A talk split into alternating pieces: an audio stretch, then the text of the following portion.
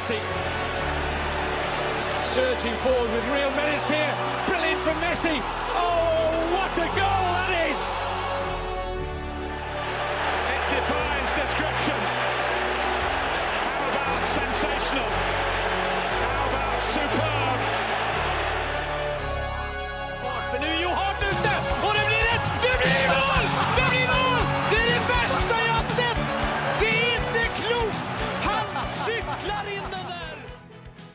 Ja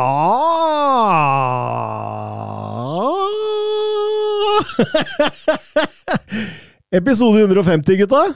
Gratulerer, jubileum. Det er jubileum, det, Mats. Ja, det er det.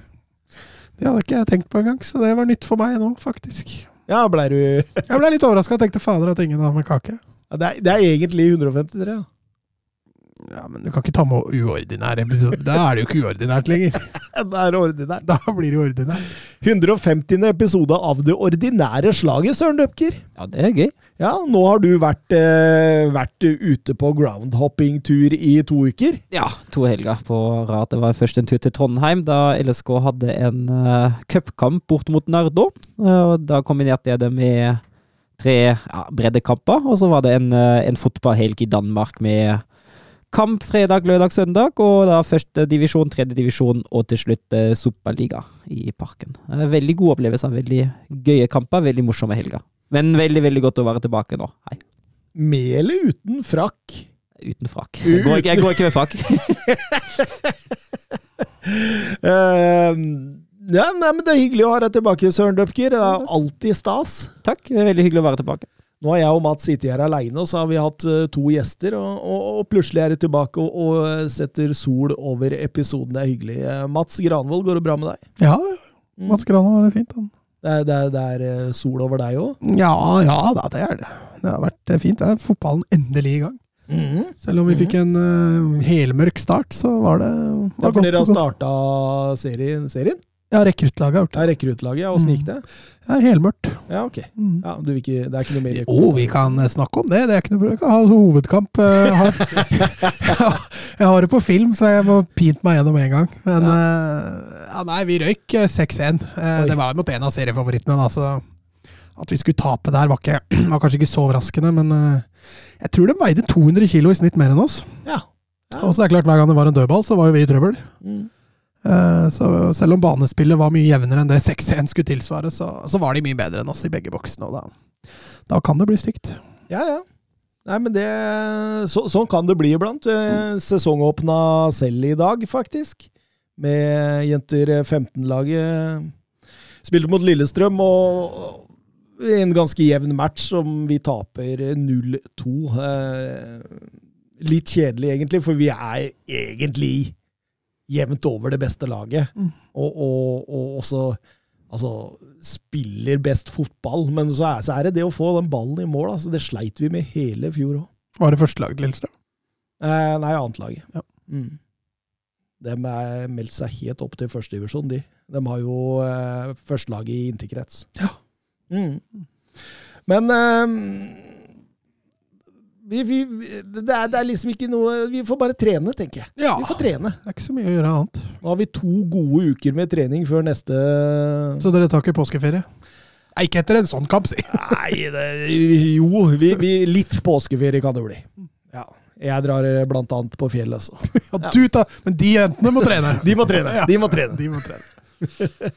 Ja, eh, Søren Dupker, du fikk ansvaret på, på å ha kontroll på Ja, Twitter-spørsmålene. det var veldig gøy. Jeg har, tror jeg har klart å få med alle, håper jeg i hvert fall. Uh, og så har vi jo fått noen som vi fint kan ta i intro. Uh, første vi fikk av Geir Halvor Kleiva, et veldig fint spørsmål. Uh, England får mye skryt for alle de unge spillerne de avla, men hvilke land gjør det sterkest på talentutvikling nå? Lag igjen en topp fem over land som kommer i en sterk generasjon nå. Sett gjerne U23 som maksalder om dere må ha det. Men det er, altså det er et veldig fint spørsmål. Det krever litt forberedelse, og det hadde vi jo rett og slett ikke tid til i dag. Så det, Geir Halvor, det må vi ta neste ordinære episode neste uke. Det, det, det kan vi gjøre, men det første som slår meg, er Frankrike. Ja, det, jeg sa det samme til Mats. Jeg sa det akkurat det samme til Mats. Så tror jeg Nederland stiller noe sterkt, de òg, altså. De har Nederland er bra, England er bra Ja. for tida. Ja, det, er, det er mye bra. Det er Skal vi bare overse Norge, som har bare fostra på Ødegaard og Haaland og Nei, vi bør ikke overse det, men vi kan ta det neste gang. Så har jeg fått et spørsmål, da. Anders Hansen, spørsmål til Søren. Hva var navnet på låten Tyskland stilte med i fjorårets Eurovision? Ja, du har lov å google. Er, er det noen av dere som husker det? Jeg, må- jeg, jeg måtte google. Er det Hulena? Nei, det er, Nei, nei, det er lenge siden. det er lenge Det siden. ja. Ich habe keine Schnabelfant. Er det er, 99 luftballong? det er Jendrik, som artisten het, og han uh, hadde sangen med den fantastiske tittelen I Don't Feel Hate. Er det, Åh, Veldig fint, Jeg, veldig tror fint. jeg tok referansen der. Ja, bra. er, måtte du google det? Jeg måtte google. Uh, det, jeg, det jeg husket, var at det ikke gikk bra, Uh, og det, det, det bekreftet Google da han kom nest sist. Bare med uh, United Men- Kingdom eh, Men, bak men han hater ingen. Han hater ingen, og det passer, meg, passer jo meg utmerket, for jeg hater ingen, jeg heller. Nice. Så har vi eh, et spørsmål av Alex Bjørkan.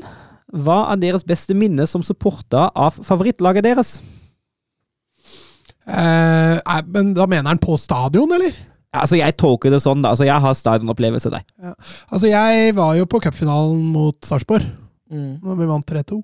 Mm. Det må vel kanskje stå ganske høyt. Eh, Ellers så er det ikke mye Lillestrøm har vunnet. Nei, det, det, det har vært noen ålreite Altså kamper. Altså Vålerenga-kamper hvor man, det har vært tett og intenst, og man har stikket av med seieren. Den, den, de står jo ganske høyt. 2019 var gøy. Ja. På Intility. Ja. Men for meg så Altså, jeg også har vært på en cupfinale med LSK, og det var Mot Molde var jeg òg. det gikk dårlig. Ja, men jeg var mot Haugesund òg. Ja. Men det største for meg er, som supporter, det er London Derby hjemme mot Arsenal, hvor eh, Harry Kane eh, er helt enorm og, og senker Arsenal på egen hånd der. Det, det, det står som det største, egentlig. Ja, det kan jeg skjønne. Jeg har, jeg har jo opplevd mye med Wolfsburg på stadion. Både, altså, både slått Bayern 5-1 med drømmeskåring av uh, Grafici, vunnet seriegull uh, mot Werder Bremen hjemme, reist med 10 000 mann til Hannover og vunnet- vunnet 5-0 der. Men sånn rent emosjonelt, for meg det største, det var i 2007, nest siste serierunde borte mot Aachen. Eh, de lå på denne tida på nedrykk. Eh, tre poeng eh, bak oss. Men vi hadde i siste runde det daværende topplaget Werder Bremen på hjemmebane. De lå på andreplassen og var store favoritter, i hvert fall i den kampen der i siste, så det var en litt sånn viktig kamp med tanke på nedrykkstid, og det er en sånn tett, intens stadion, litt sånn engelsk stil, uten løpebane, tribuner, bratte og nære på banen. Uh, utsolgt selvfølgelig, og det er fantastisk stemning, og Aachen går opp i 2-0-ledelse, og jeg tenker jo egentlig at farken, altså, dette, dette er tapt, og så kommer det siste ti minutter kommer det to mål, og Wolfsburg utligner og berger plassen fordi målforskjellen eh, ned mot Aachen er 14 mål eller noe sånt bedre. og det Rent emosjonelt, da, å komme tilbake fra det da i en sesong som ellers var ganske mye dritt, det, det var ganske stort. Og, og du rekker å forberede deg på nedrykk, nesten. Ja, altså, du, ja. ja, ja, det, det, det er jo en strålende opplevelse. Det er litt motsatt av Lillestrøm mot Start. Ja, faktisk. Hvor du forbereder deg på ny eliteseriesesong, og så bare Så var det en Ramsland eller to, og så var det ferdig. Ja, Den trenger vi ikke å snakke om. For en god opplevelse, i hvert fall. Da har vi ett spørsmål til, da, som vi kan ta i introen. Eh, Petter F. Aurseth han spør hva med å bruke et par minutter det kommende Bruke et par minutter på det kommende ju julenissemesterskapet i fotball, og da selvfølgelig VM i Qatar. Dagens snakkes er jo helt klart Lise Klavenes og hennes utskilling av Fifa fra talerstolen i Doha. Mm, mm, mm. Har dere sett uh, talen, eller lest talen? Jeg har ikke fått med meg den. Har- Når skjedde den? Ja, det skjedde i dag uh, på, på dagen, da hun uh, på sånn Fifa-kongress nå, tror jeg, hvis jeg ikke tar feil. Det var i Qatar, var det ikke? Ja, i ja, i Qatar. De skal jo trekke gruppene til, til VM i morgen.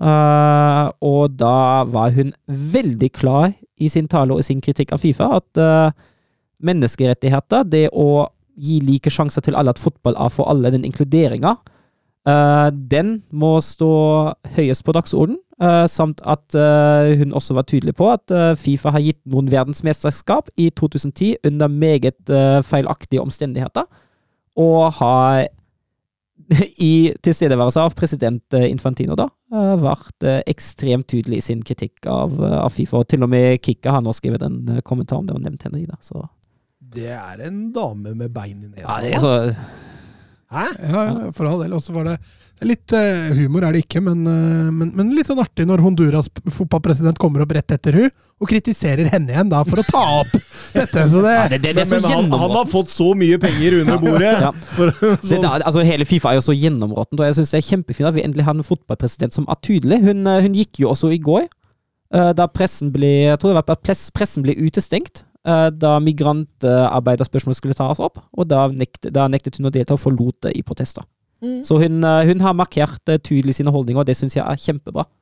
Det, det er all ære. mm. Å stå opp mot gubbeveldet der, det, det er tøft gjort. ja, det er gutteklubben grei, ass. Det, det er ikke noe Og det, det gir meg håp at hun også har muligheter til å nøste litt opp i NFF-systemet. Eh, som ikke har vært uh, det beste, heller med tanke på altså, Vi snakket jo sist om det mot uh, Bodø-Glimt-kamp mot Ålesund og sånne greier. Så det er en del å rydde opp, men jeg tror Klavenes er den personen som faktisk kan få det til. Det er kult. Det er kult. Det er ikke så rart jeg eh, ikke har fått med meg dette. Jeg hadde mye på jobb. Jeg hadde ekstra tid på jobb. Jeg kom hjem, jeg skifta, dro på kamp og rett hit. Så det- Nei, det, det har jeg ikke fått med meg, men kudos til Lise Klavenes. Mer av det. Ja. Veldig bra. Veldig bra. Eh, var du ferdig med introspørsmåla, da, eller? Det var jeg. Ja, da, da ser jeg jo ikke noe annet enn at vi kan bare Sette sett over til Premier League. dunke til.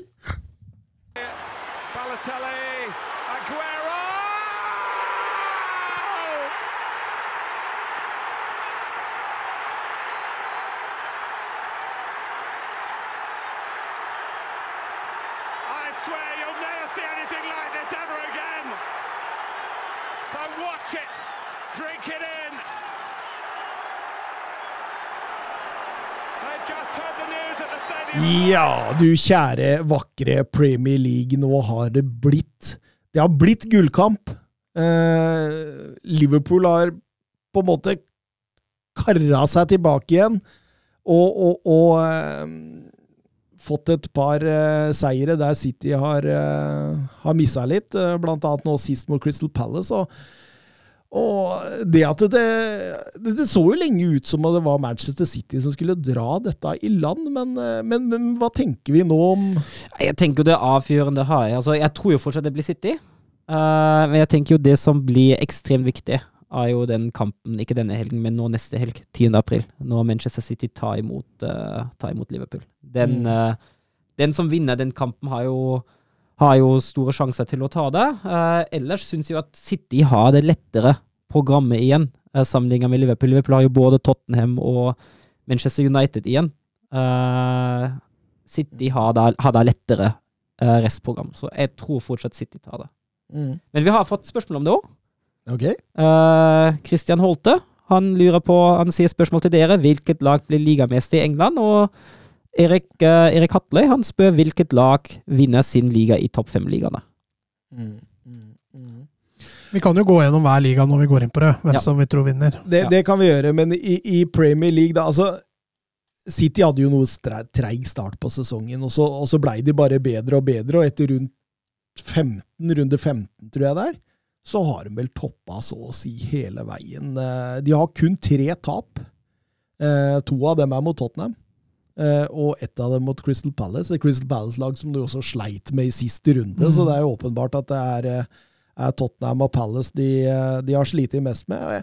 Men, men, men når jeg ser på City sin, sitt kampprogram her igjen, da, så ser jeg kun to potensielle poengtap, og det er Liverpool hjemme og Western borte. Eh, Eller, eller så har de en tøffere CL-kvartfinale mot Atletico Madrid. Mm. Eh, Men Ja, den kan suge litt krefter. ja, den kan det, men, jeg, men, men- samtidig så ser jeg i hvert fall fem potensielle poengtap for Liverpool.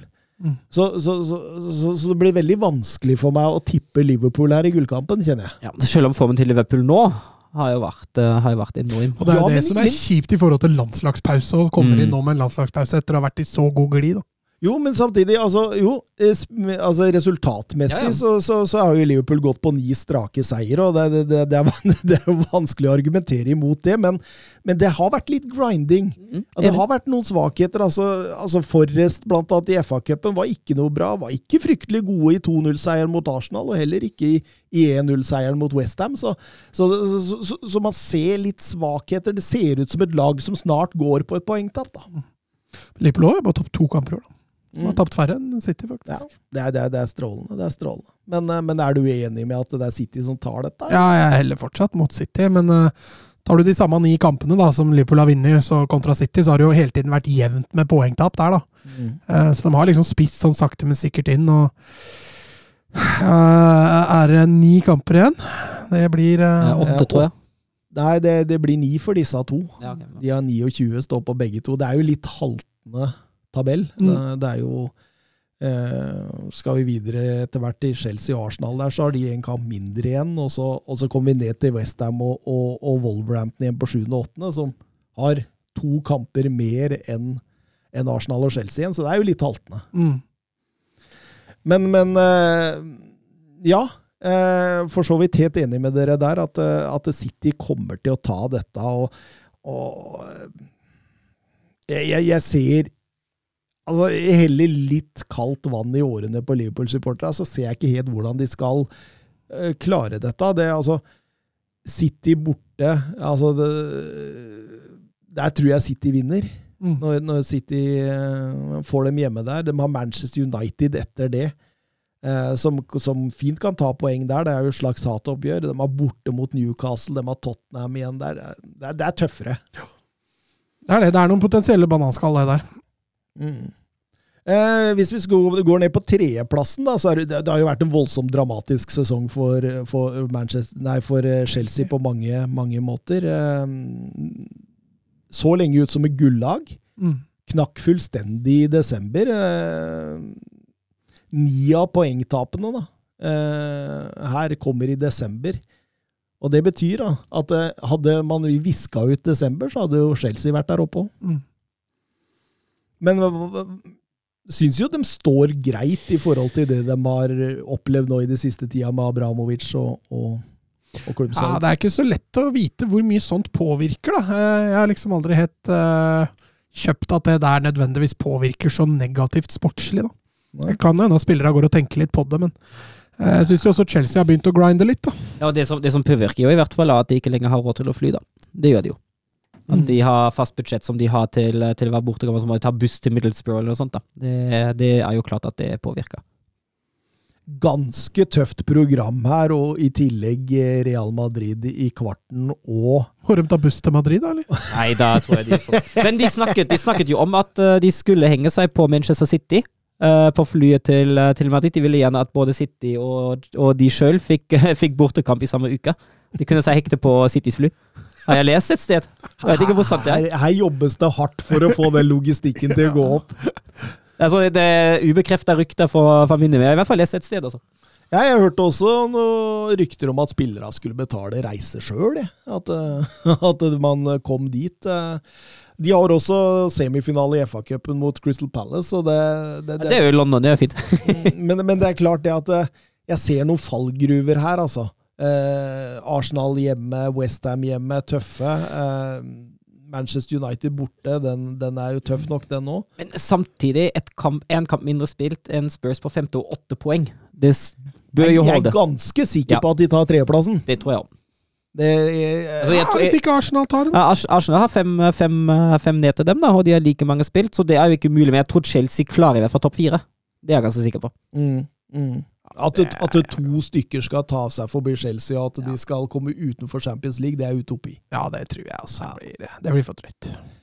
Det blir for drøyt. Også, så, øh, da har vi jo plassert egentlig de tre første mm, engelske lagene, og da, da er jo den siste Champions League-plassen, Og der er det jo et skokk av lag egentlig som, som kan ta den. Du har jo strengt tatt, eh, strengt tatt fem lag. Du har jo Arsenal med 54 poeng, og så har du eh, med en kamp mindre spilt, da. Og så har du Tottenham med 51, United med 50, og i en litt outsider-posisjon uh, Westham med 48 og Wolves med 46. Men begge de lagene har allerede 30 kamper, så det blir jo to mer spilt enn Arsenal. Da begynner det å bli tøft, altså. Ja, og i tillegg så ser jeg kampprogrammet til, ja. til Westham i hvert fall eh, er, er blytungt. Eh, Tøffe kamper mot Chelsea, Arsenal og City igjen, i tillegg til Lyon i Europacupen. Så, så, så, så, det, det ser tungt ut. Wolverhampton, eh, tre av de fire siste har dem, har dem Chelsea, eh, Manchester City og Liverpool. Så jeg, jeg tror vi egentlig kan legge de bort. Det tror jeg òg. Det tror jeg. Og United òg, for så vidt. Sånn som de har vært så ujevne i år, så tror jeg nok Altså, de kan finne på selvfølgelig å vinne mot de beste, men de kan også finne på å tape mot de dårligste. Så jeg tror heller ikke United i, tar den fjerdeplassen. Jeg tror det står mellom Arsenal og Tottenham. Ja, og jeg, altså, jeg ser jo at Arsenal tror jeg har et bitte litt hardere kampprogram i en, eh, Spurs med både, med både Chelsea og United. Men det er jo den ene kampen mindre spilt, uh, og den kan fort bli utslagsgivende der, tror jeg. Og Spurs har jo Toppnivået til Spurs under Conte er jo fremragende, Uh, men i samme, litt sånn det samme som United, det er også litt for ujevnt. Jo, men så Mm. lenge de har én kamp i uka, så har Tottenham prestert bra. Ja. Ja, det er jeg enig i. Det Du, du, du, du, du har merka det at Ja. når Konta har fått den uka Mm. på treningsfeltet, da har de jo knapt nok tapt poeng. Men vi kan jo, kan jo bygge inn et spørsmål der, av eh, Petter Støvland. Uh, hvor stort blow vil det være for Spurs å komme utenom topp fire? Er det lov å være redd for at Kane og Conte stikker om de kommer utenfor? det, det, er det er et godt spørsmål. Tror du Conte drar? Det tror jeg ikke. Nei, jeg tror ikke Conte drar. Jeg, jeg tror ikke Kane velger å dra heller, så lenge Conte er der. Så, så, så, så det, det, spørsmålet der tror jeg liksom Det går litt opp i opp. Eh, kan ikke se for meg på noe som helst måte at eh, Conte finner ut med en femteplass at nå forlater jeg skuta. Eh, Altså, der, der ligger det andre årsaker til, i så fall, som samarbeid med Levi, penger til transfers, sånne Ja, ting. Altså tenker jeg også at Trenden er jo positiv, og det er viktig for både Konto og Kane. Altså Det er ikke sånn at man har vært på tredjeplass og falt ut av femteplassen, og utviklinga har vært helt katastrofe. Eh, Man har egentlig vært i en litt vanskeligere posisjon, og så har man kjempet seg opp igjen i den toppstriden der. Så jeg tenker jo egentlig at den utviklingen i seg sjøl er jo positiv, og kan jo utløse at man tenker at neste år kan vi angripe for fullt og oppnå enda mer, sjøl om det ikke skulle gå i år. Helt klart, helt klart. Og de eh, Altså eh, det, det, det var jo en skandale under Nuno Espirito Santo der. Eh, tross at han ble jo månedens manager der ganske tidlig, så, så, så, så gikk det jo nedenom og hjem. Og, og, og, og på en måte Tottenham kicka egentlig sesongen i gang når Conte kom inn i november. Og, og, og poengfangsten til Conte har jo ligget oppe i Champions League-nivå, så du, du må jo se på hva som har skjedd der. Og jeg var så også at uh, sportsdirektør Paratisi var ute nå og fortalte om at hele teamet da, kjenner fremgang hele veien, og at det er en positiv glød over prosjektet. Så, så det skal nok mye til, men, men at de kommer til å gå all in for denne fjerdeplassen, og at de faktisk har en brukbar sjanse til det, hvis du ser på på, på, eh, på kampprogrammet. Det, det, det er ingen tvil om. Altså, jeg, jeg, jeg, ikke, jeg er ikke helt enig med at, det- Jeg, jeg, jeg syns at Arsenal har et vesentlig tøffere program enn Tottenham. Altså, Tottenham har flere enklere mulige trepoenger, altså der du forventer en trepoenger, mens Arsenal har litt flere av disse i gråsonen. da. Der kan det skje noe. Så, så, så, så jeg tror det er åpent, det. Ja, det er åpent av det, men jeg syns jo, hvis man ser sett under ett, da, syns jeg Arsenal har sett hakket stabilere ut enn eh, enn Spurs i det siste. Ja, Jeg syns ja, det. Ja. Nei, Jeg syns svinginga har vært, eh, svingingene har vært mindre. Det, det, får du lov å mene, og, og det kan du sikkert mene med overlegg, men eh, og, og, og, vi skal skryte mye av Arsenal i, i år. for altså, altså utviklinga altså, Etter runde tre så lå de helt på bunn. Etter åtte runder så, de, eh, så klatrer de opp på tolvteplass. Og nå driver de og kjemper om en Champions League-plass og ligger innafor der. og vi må huske det var mange som krevde Artetas hode på et fat. Ja, vi, vi, vi, sto i vinden. vi, var jo, vi to var jo ikke langt unna å gjøre det altså, samme. ja, men, men det, det så jo Nei, det så helt blytungt ut. forferdelig ut. Så den, den, den snuoperasjonen der av en manager som var såpass, eh, såpass, såpass hardt pressa, er sterkt. Ja, altså, vi kalte dem vel et mini-Manchester City for en liten stund siden, Mats? Ja, vi gjorde det. Det var mye av de samme faktene. Mm. Og du ser, altså, men, men, men alt dette skjedde etter du fikk satt det stoppeparet. ikke sant? At Ramsdale kom inn for Leno der. Eh, at Lacassette begynte å spille en større rolle framme som et sånn oppspillspunkt. da. Altså, De hadde jo stort sett bare spisser som dro i bakrom av Aubameyang når han var der. ikke sant? Og, og, og, og det ser du med Lacassette, at det, hvor viktig det er for Arsenal. da. Etter hvert som jeg veit ikke hvor hvor eh, på en måte safe Lacassette sin plass er i Arsenal i fremtiden. Altså, De har jo jakta Vlaovic og, og, diverse, men å ha en spiss som på en måte kan opptre som en falsk nier, da. ikke en som bare stikker i bakrom hele tida, det tror jeg er ekstremt viktig for Arsenal her. altså det... Ja, I hvert fall når du har, har to veldig bra entertainere på hver side der, i Saka og og Martinelli og, og, prestasjonene deres kommer jo til å svinge, men, men Lacassette, som er en så erfaren men så tydelig rolle, så er det ganske viktig da, for å stabilisere det offensive. Så blir det spennende å se da, hvor lenge Ødegaard greier å holde det, holde det gående når du har spilt to 90 minutter også for landslaget. Så det blir mye fotball på han òg. Men skal vi tippe hvem som tar fjerdeplassen? Arsenal. Jeg er enig. Nei, jeg tar Tottenham, men det har jeg jo sagt nå i en liten stund, så jeg må jo stå ved det. Ja. Um, vi har altså fått et spørsmål om United, da. Ja, vi kan ikke glemme Manchester United. De henger jo, henger jo, oppi der, de òg, på et sett og vis. Og vi kan jo ta spørsmålet der. Det er Jonathan Hobba som spør. Hva tenker dere om at McGuire blir budt ut av sine egne supportere omtrent gjennom hele kampen? Og derfor er han jo til England-kamp. Typisk uh, engelske fans. Og det er så forferdelig. Ja. Det er, det er, det er altså uh, det er sånn der Snakk om å, å, å, ville laget ditt vondt, da. Ja. ja. Det sånn, var, var, vel han eh, godeste Sivertsen, han eh, korrespondenten i England der, som skrev en tweet om det. At eh, hvor, 'Pappa, hvorfor buer vi på Maguire? Mm. Vi er, vi er jo Luton.' Ja. Nei, hold kjeft du sønn, bare bu. Ja.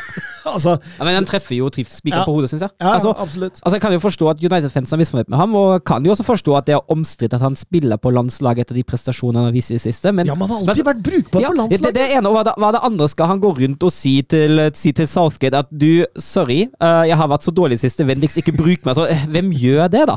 Det er jo ikke hans feil at han blir brukt. Og jeg, jeg, jeg er helt enig at jeg syns det er helt forferdelig. også. Og, og, han har vært brukbar på landslaget. Det er ikke Manchester United av det han har vist til på landslaget, altså.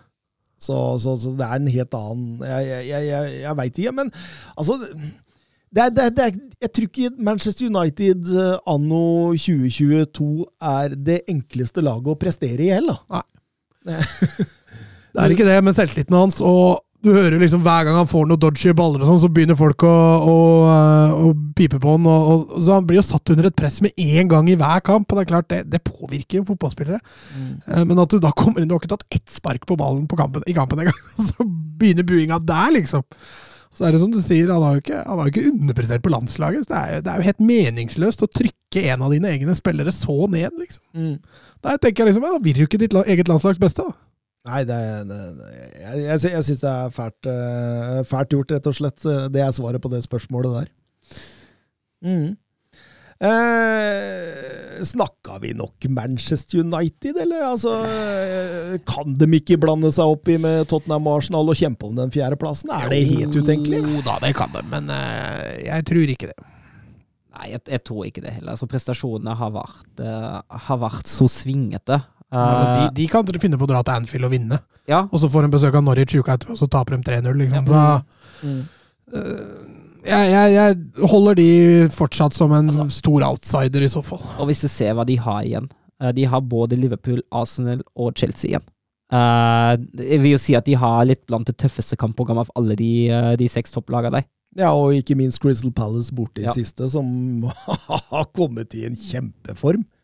Så, så det, det, er, det, er, mye tøft her, ja. Et Everton som altså, Kommer til å være desperate. Ja. ja. Leicester er heller ikke uh, banemat. Nei, absolutt ikke. Du, du, eh, skal vi snakke litt ned, Erik òg, eller? Ja, vi, vi, kan først ta Newcastle, da. Jeg har fått et spørsmål der. Ja. Uh, Didrik Tofte Nilsen. Uh, realistisk, med en god sommer på markedet, hvor høyt kan Newcastle potensielt komme og ha som et realistisk mål neste sesong? Å, oh, det likte jeg litt. Det var ikke sånn der drømmende spørsmål. Det var mer et sånt hva kan vi forvente med Altså, jeg, jeg, jeg har jo en kompis som er Newcastle-supporter. Han sa at de skulle bruke 600 millioner euro, var budsjettert i sommer. Eh, Det er ikke så mye Enten én god spiller, eller, Ja, så, eller fire-fem sånne OK. 600 millioner euro eller kroner? eh, kroner. Ja, det er ikke så mye, nei. Nei, og- 600 millioner. Ja, det var, det var, det var. Det var Ja, men det, det, det er vel kanskje det mange av Newcastle-supportere har drømt om, men samtidig så har de jo vært ganske klare, disse eierne, på at eh, vi skal skynde oss langsomt. Ja, og det, det syns jeg jo er riktig strategi. Uh, og jeg tenker jo hvis man bygger litt sånn langsomt og fornuftig, da, uh, så når man jo kanskje lenger fordi man har et bedre grunnlag som har blitt lagt. Uh, for å svare på spørsmålet, da. Eh, jeg tenker jo at hvis, hvis alt går optimalt, da, for Newcastle, uh, så kan man bryte inn i den gruppa bak topp seks, type da Westham, Wolverhampton og Aston Villa ligger nå, hvis Mm. alt går optimalt. Jeg tenker at det er, det er det man kanskje kan forvente maks, da.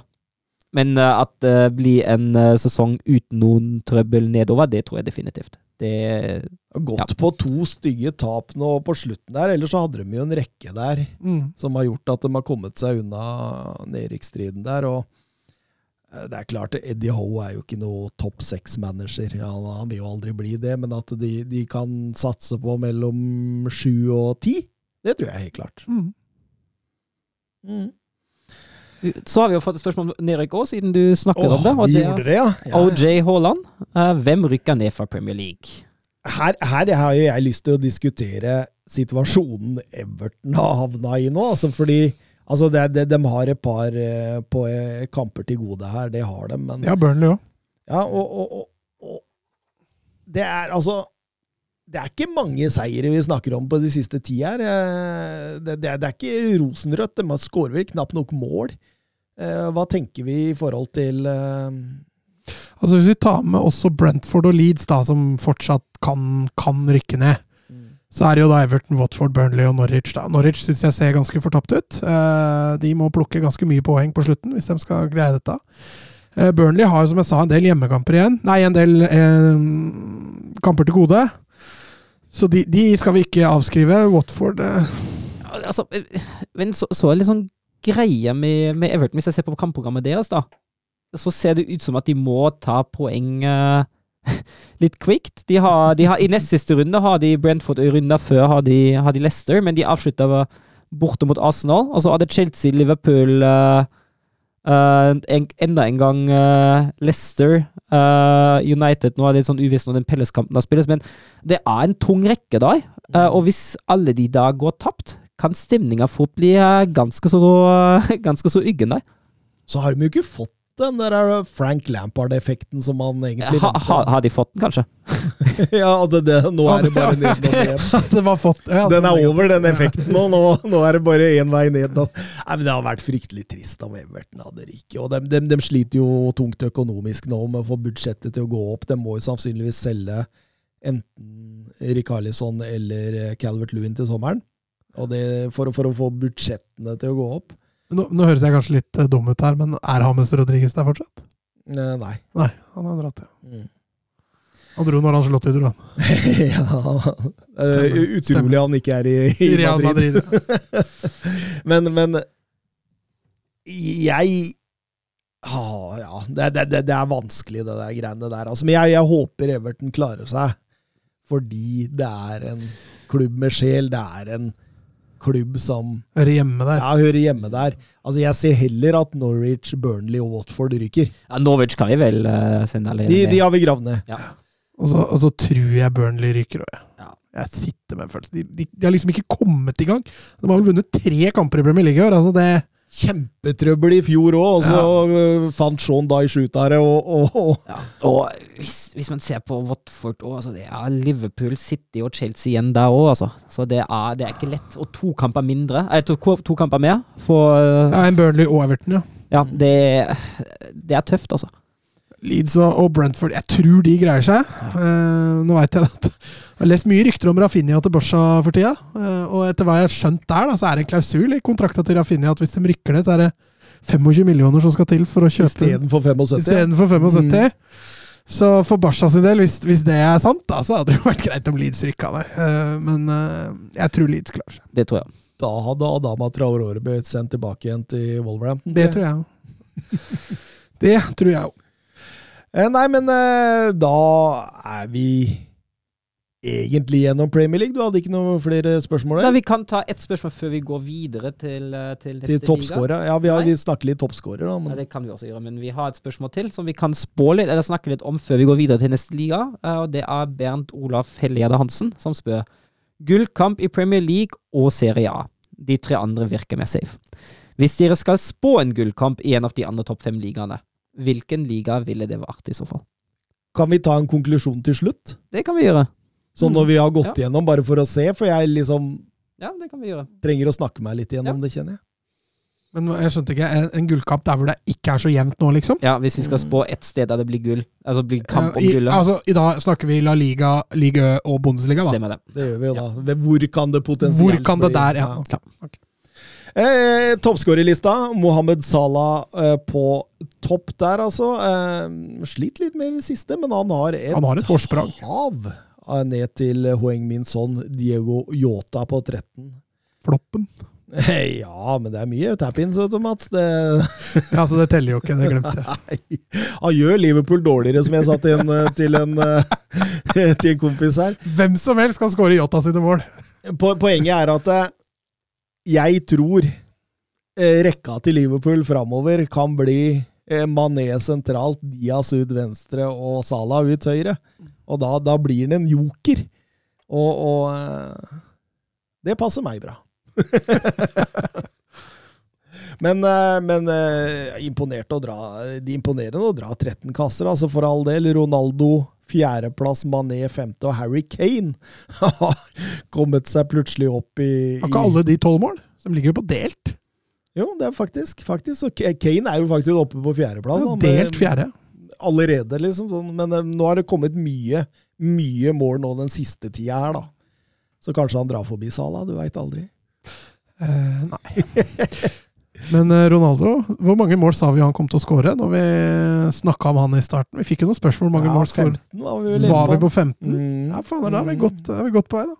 Ja, tross alt fjerdeplass på toppskårerlista der, Cristiano Ronaldo. Selv om mange skriker flopp, er ikke nødvendigvis noe flopp, verken økonomisk eller det han lever på banen. Men spørsmålet er jo Koster det mer enn det smaker? Altså, Kunne man fått en angriper som er bedre i presspillet og samtidig levert disse 15 måla? Ja, og ikke, ikke, ikke søket for så mye intern uro. For den stjernestatusen han har, og krever for seg selv, den tror jeg krever en del av klubben òg. Det virker jo så mye kommer derfra. Nå var jo Langa ute og skrøt veldig av Ronaldo, da. om Måten han var en læremester og Tror du han tør å kritisere den? Altså, Det kommer litt an på, da. Eh, hvis han har fått direkte spørsmål om Ronaldo, så er svaret nei. Men hvis Elanga har tatt initiativ til å stille sjøl, Mm. da, da blir det noe annet. Ja, altså fordi det, det Altså Det er jo rapporter i øst og vest her, og hva man skal tro på, det veit man jo aldri helt. Men man har jo sett han demonstrere mot Ragnhild, f.eks. Man har jo fått rapporter på at uh, han har vært litt splittende. Men, men uh, Vært sutrete når han blir bytta ut. Ja. Og jeg er ikke sikker på han er der neste år, altså. Jeg er ikke helt sikker. Det spørs helt hva han nye manageren tenker. Men, eh, men veldig spennende det, og, og sist toppen Det trodes jo selvfølgelig av Trent Alexander Arnold, som nå er vel er ute med en tre Liverpool-spillere på topp der. Ja, faktisk før Pogba. Han, han hadde vel alle ni Ja. assista sine de første ni serierundene omtrent. Nei, vi kan gå over til uh, La Liga. La dreta Xavi, assistència de Xavi més cap a la per Messi, Messi, Messi, Messi, Messi, Messi, Messi, Messi, immens Messi, encara Messi, encara Messi, encara Messi, encara Messi, encara Messi, encara Messi, encara Messi, encara Messi, encara Messi, encara Messi, encara Messi, encara Messi, gol, gol, gol, gol, gol, gol, gol, gol, gol, gol, gol, gol, gol, gol, gol, gol, gol, gol, gol,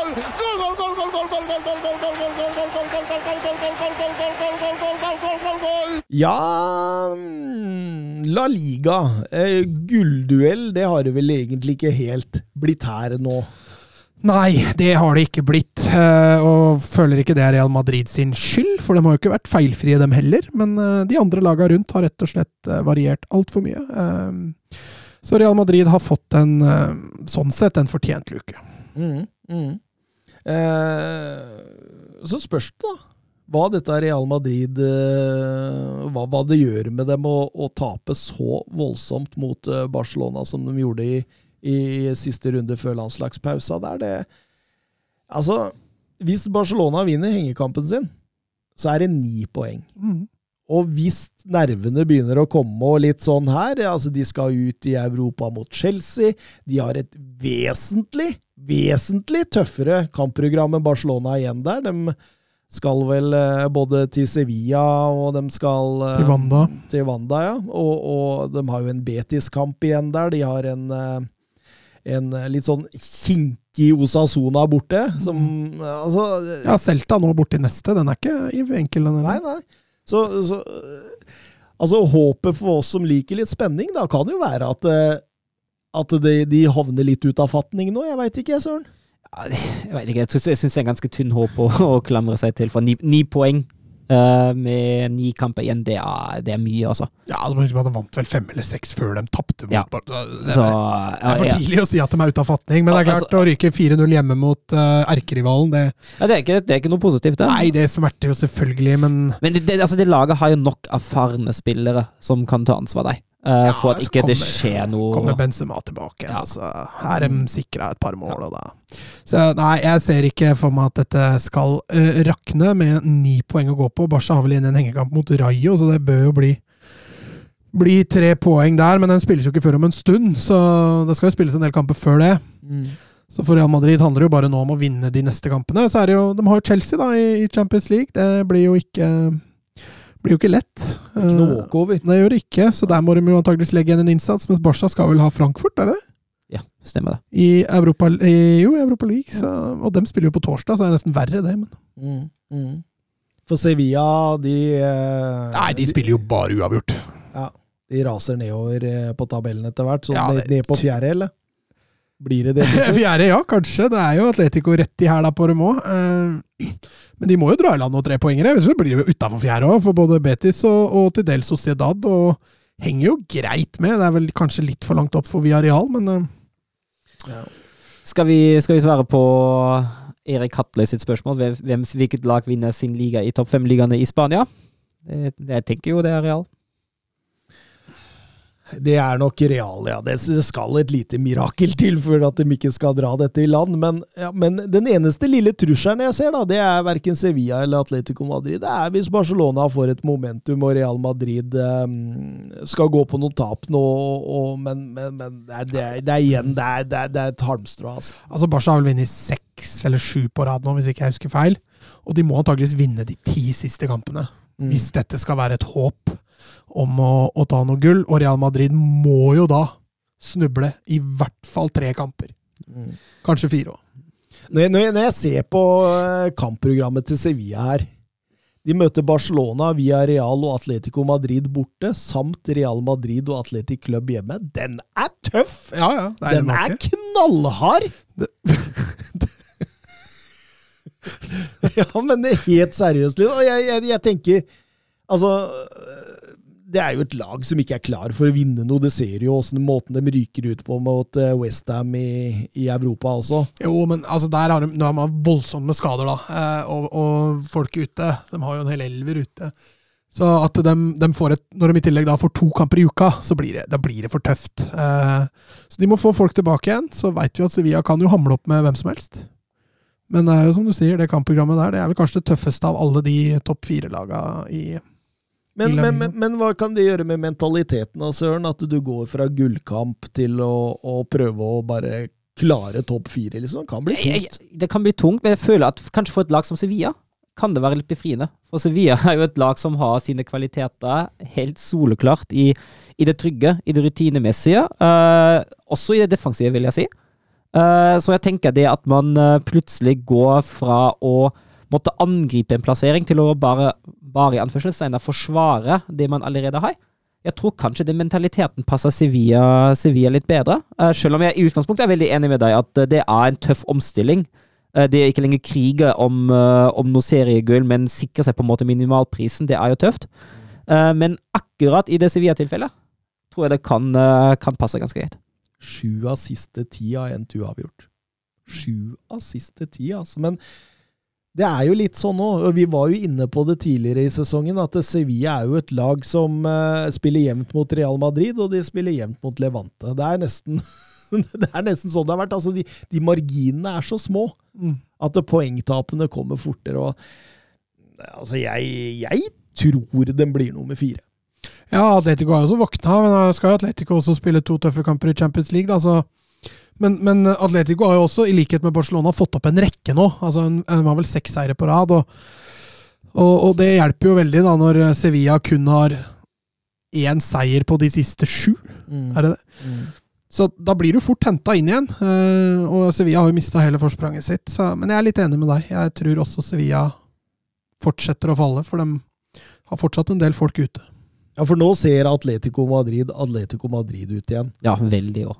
Nå er liksom Oblak blir bedre, det defensive sitter bedre, Kåke syns jeg har funnet formen og vært strålende. Ja, til og med Hector Herrera har jo begynt å se som fotballspiller. Ja, ja. Og da kan vi jo kanskje tro på en framtid for Diego Simione.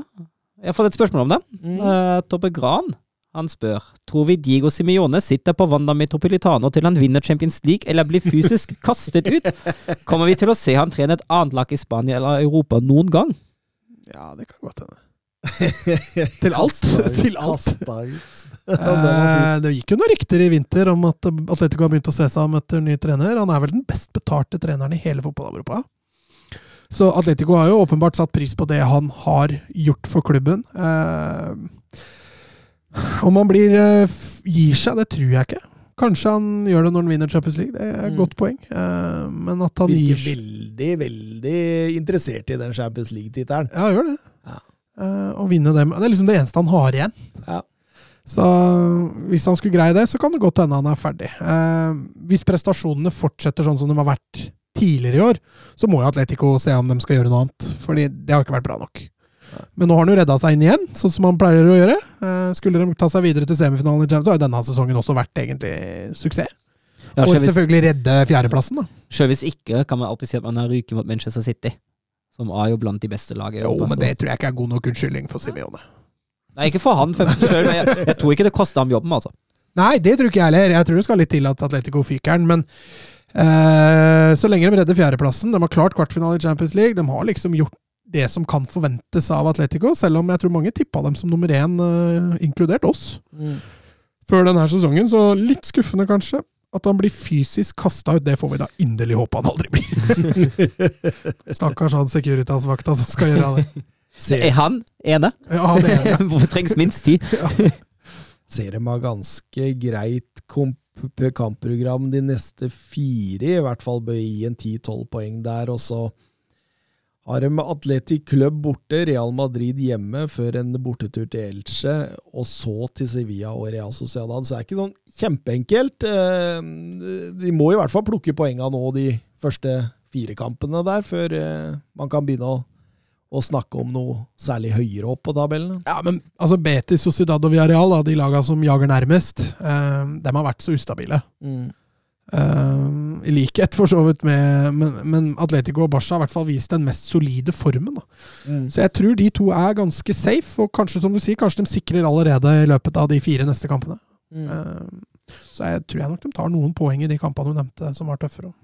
Ja, for laga bak eh, Real Batis nærmest der eh, lukta jo på en CL-plass lenge der. Virker mye fjernere nå. Eh, fikk seg en liten trøkk etter eh, El Grand Derby. Ja, men de sleit litt. De fikk jo et veldig tøft kampprogram. De gikk jo til Copa del Rey-finalen. Og var jo sånn som spilte jo full cuprunde hele veien. De røyk jo mot Eintracht Frankfurt i, i Europa Leagues forrige runde. Så de kom langt i Europa League også.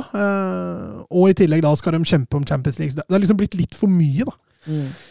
Eh, om de ikke kanskje skulle prioritert litt annerledes. Eh, men hvis de sitter igjen med en, fjerde, en femte-sjetteplass og et Copa del Rey-trofé, så tror jeg nok mange Betis-fan tenker at dette har vært en sesong hvor det har pekt riktig vei. Mm. Så selvfølgelig, kanskje mest håper man jo på at man skal klare Champions League, men, men jeg tror man aksepterer fint en eh, femte-sjetteplass. Mm. Det samme gjør vel egentlig Real Sociedad. Ja, men Der tror jeg nok det er litt mer fans som begynner å bli klare til å ta steget opp topp fire. For mm. dem har jo ligget og lukta litt nå to sesong, siste sesongene. Uh, de starter alltid bra, og så ja, faller de litt gjennom. Det sa vi også denne sesongen, at uh, de faller vel av sånn som de har pleid å gjøre, og det, det har de på en måte gjort litt.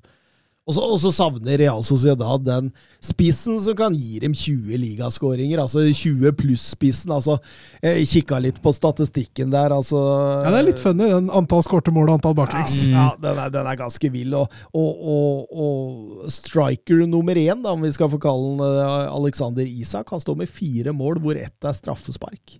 det er, eh, det er dårlig uttelling. Ja. King of the North, da. Hæ? King of the North. Ja, han har vel enda verre. Han Han har vel ett et ligamål. Ett ligamål, ja. Mm. Og, og nå er jo Jarzabal ute med, med en lengre kneskade òg, tror jeg. Og Sociedad har spilt 29 kamper og skåret 29 mål. Sluppet inn 29 mål.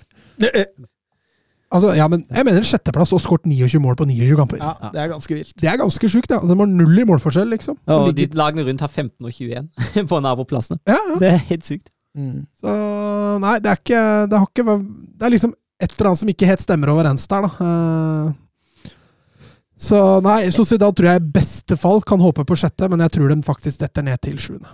Ja, for vi er Real. Jeg tror vi er Real går forbi. Mm. Men de også, da, kjemper jo om Champions League. Klarte jo utrolig nok å slå ut Juventus. eh, Sterkt, det. Eh, 0-3 borte der. Ja, det var klar kvalitet. Men det var en veldig godt gjennomført kamp. Så fikk de litt svi for det, for de røyk jo i neste kamp borte mot Elche, så det var jo tydelig at de eh, kjente litt på Kjente litt på å spille to kamper i uka, at det, det også er tøft. Og det skal de jo nå da fortsette med de to neste ukene, så vi får se hvor mye det påvirker. Mm. Mm.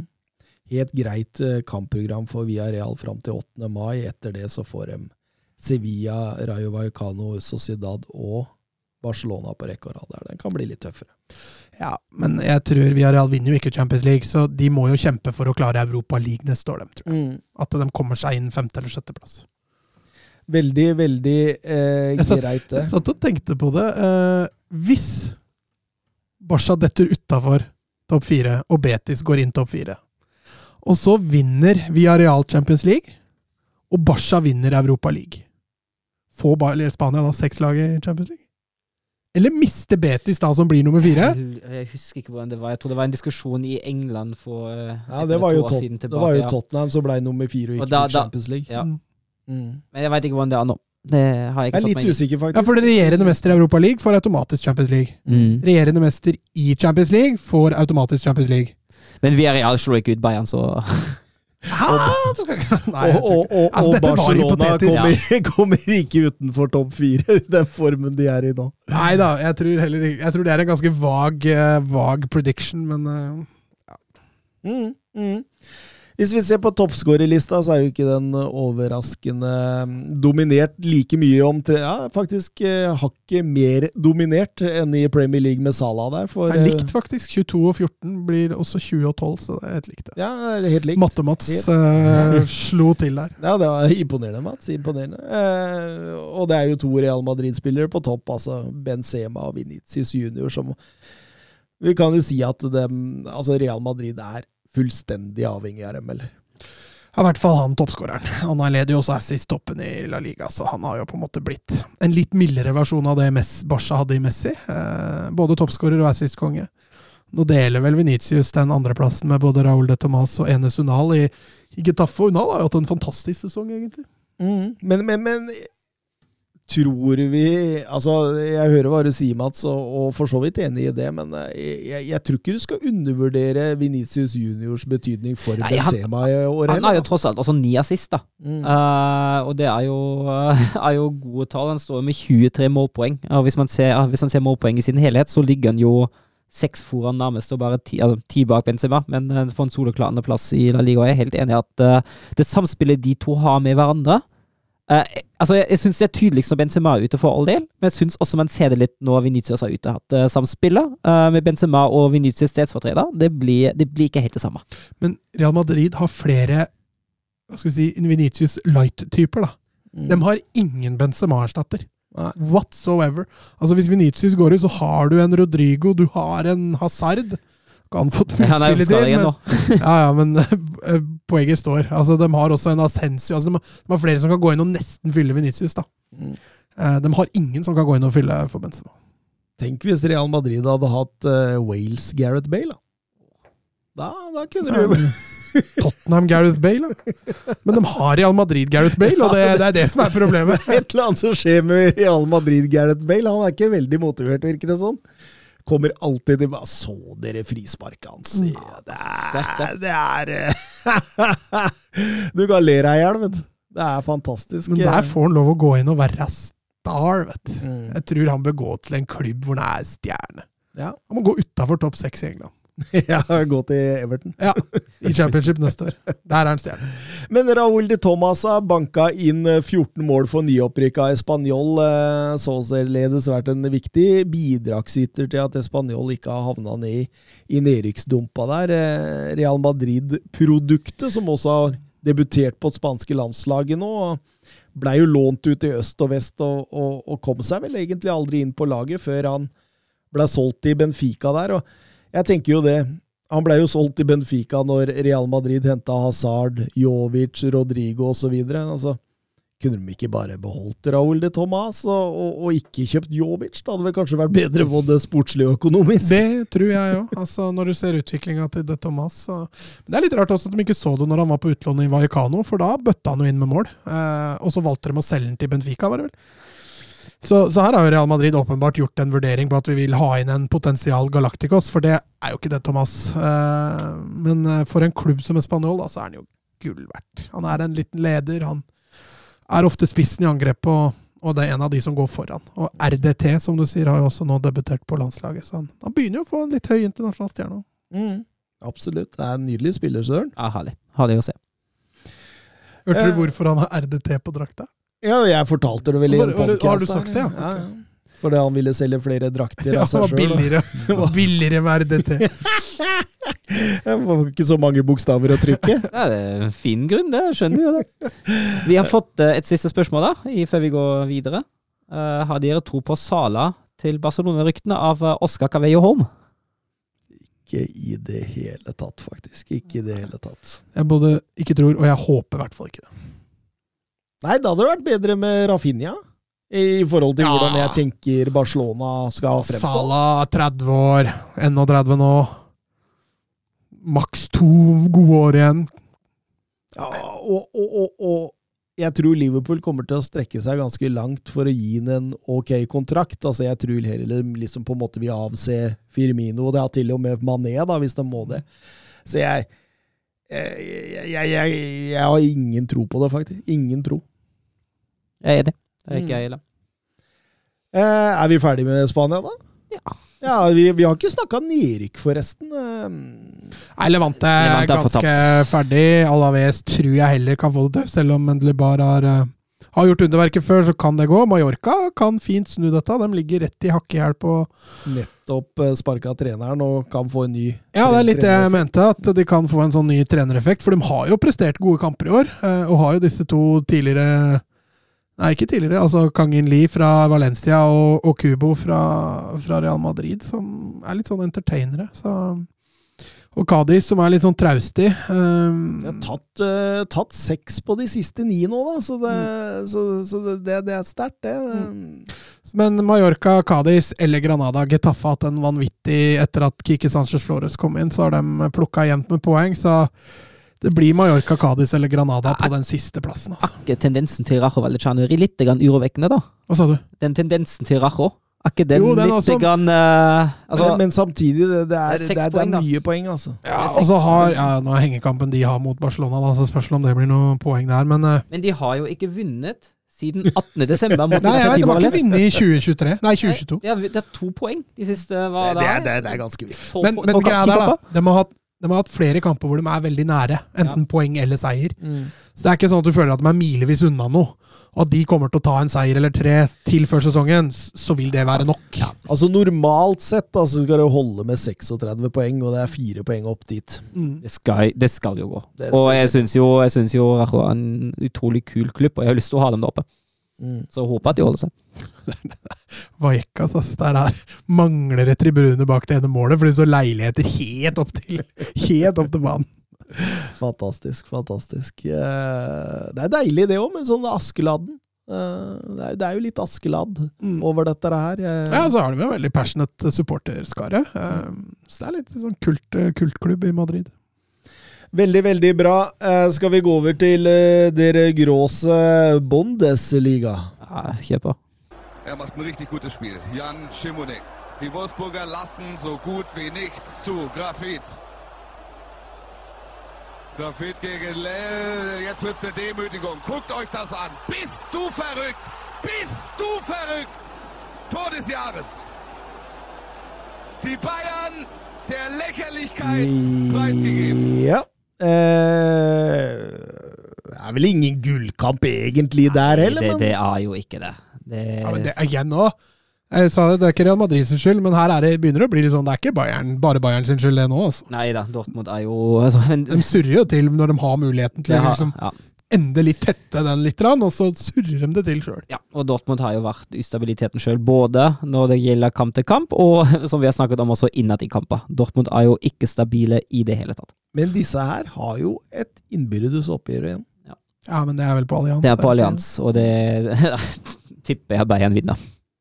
Mobiliserer nok til det, sannsynligvis. Ja, og så er det vel ikke så lenge til, eh, til det heller. Det er 23. april, da. Men i, men i 1920-sesongen så vant Bayern München foran Borussia Dortmund med 13 poeng. Og sist sesong var det 13 poeng ned til RB Leipzig. Det, det, det, Vi har fått et spørsmål om det. mm. Uh, jeg, jeg kommer til å komme med en innvending der, men uh, Stefan, Steffen K. Hansen, uh, FPL Genius, han eh, sier og spør Flick tok over for Kovac og danset seg gjennom en og en halv sesong. Nagelsmann tok over for Flick og syns Bayern nærmer seg litt nivået under Kovac igjen. Har Nagelsmann egentlig skuffet, men går under radaren fordi han reddes av et fantastisk lag? Kjør debatt. Det er nesten litt for tidlig å konkludere, er det ikke? Ja, for han har han har, han har jo ikke Han starta jo briljant, og så har han møtt på litt utfordringer nå. mm. Men det går også litt på bredden i stallen. Altså Kimmich var ute på, på noen tullegrunn, og Ja, nå er Noye, Noye har vært ute også. ja, kom Ulrich inn der, og så Ulrich, ja. Men samtidig så har han henta en Sabitzer som liksom Ja, han er altså, som, som er hans Ja. signing, som, som bør kunne gå inn og ta en plass fra Kimmich, da, men som ikke har vært i nærheten i det hele tatt. Ja, og Pamecano har skuffa, og Ja, eh, Bekkene bak Davies har ikke fungert heller. Nei, Davies har jo vært ute. Jeg har sett litt på tallene, eh, og jeg syns egentlig altså, Særlig den tida da etter korona eh, og den Champions League-turneringa med Flick, den har jo vært fantastisk. Der har Bayern vært på et sinnssykt toppnivå. Men jeg syns jo også at i fjor vi satt jo her og snakket litt om at ja, Bayern leder, men de andre er også ustabile. Eh, I sin tid var det Leipzig. Og hvis vi ser på tallene da, fra forrige sesong Jeg syns ikke Bayern var så overlegne, riktignok. De vinner med, med 13 poeng til slutt. Men til sammenligning, etter 27 serierunder som vi er nå i Bundesliga, så har de ett poeng mer enn de hadde per dags dato, og ett poeng større luke til andreplassen. Leipzig hadde mindre, eh, hadde like mange poeng som, eh, som Dortmund.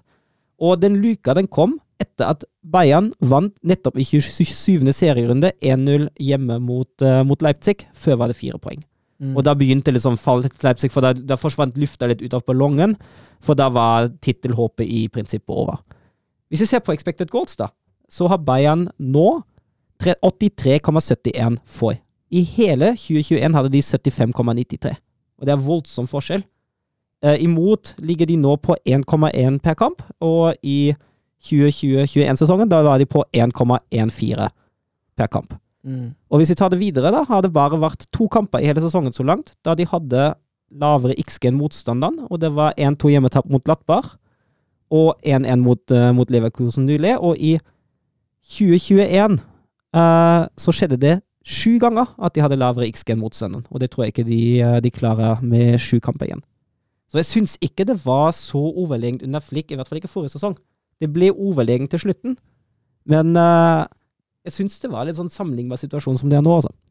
Eh, Det, det er vanskelig å argumentere imot deg på akkurat det der.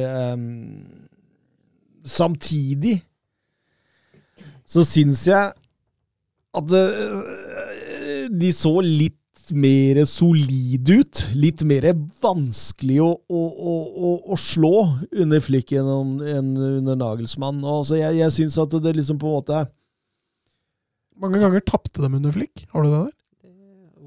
De tapte, altså fram til 27 tapte de én kamp mindre. De har spilt uh, For de har fire tap eller noe sånt nå. Ja, de, og så hadde de tre. De, nå de, står de med tre uavgjorde og fire tap, og i uh, 2020-2021-sesongen hadde de fire uavgjorde og tre tap. I tillegg til, eh, til 20 seire. 20 seire hadde de begge på det tidspunktet. Ja. Eh, Men, men eh, ja, det jeg skulle fram til, var at eh, Flick Jeg syns Bayern under Flick Altså, det, det kan ha noe med forventninger. Og Nagelsmann, største talentet av alle trenere i verden, kommer og tar over et av de råeste laga i verden. Dette må jo være full match, ikke sant? Og så, så har man sett på stjernesmellen 5-0 mot Gladbach i, i DFB-pokal. Det skal sies at da sto ikke Nagelsmann på sidelinja. Nei, nei, men det, det, det spiller jo ingen rolle, eh, så, så, så, sånn sett. Eh, 4-2-tap over Do- Bochum der. Du hadde 1-2-tap mot eh, Augsburg, vel. 1-1 borte mot Salzburg. Ja, ikke sant? Og det, det, det, det, det- det er det er et eller annet der altså, som ikke er helt som det skal. Og, og vi, hvis man ser på eh, programmet framover også altså jeg, jeg ser ikke bort fra at de taper mot Freiburg og Mainz borte, eller i hvert fall taper poeng. da. Mm.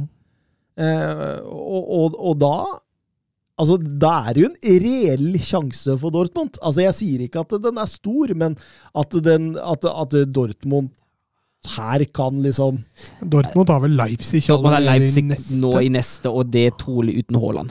Så det kan bli tøft. Hvorfor ikke Haaland? Uh, han, uh, han har vel uh, Bare, bare sto fra Twitter-kontoen at ankelen hans var bøyd. var fryktelig bøyd, ja. Han fikk jo ordentlig juling mot Ja, men Så du det overtråkket han hadde, eller? Åh, Ja, grusomt. Ja.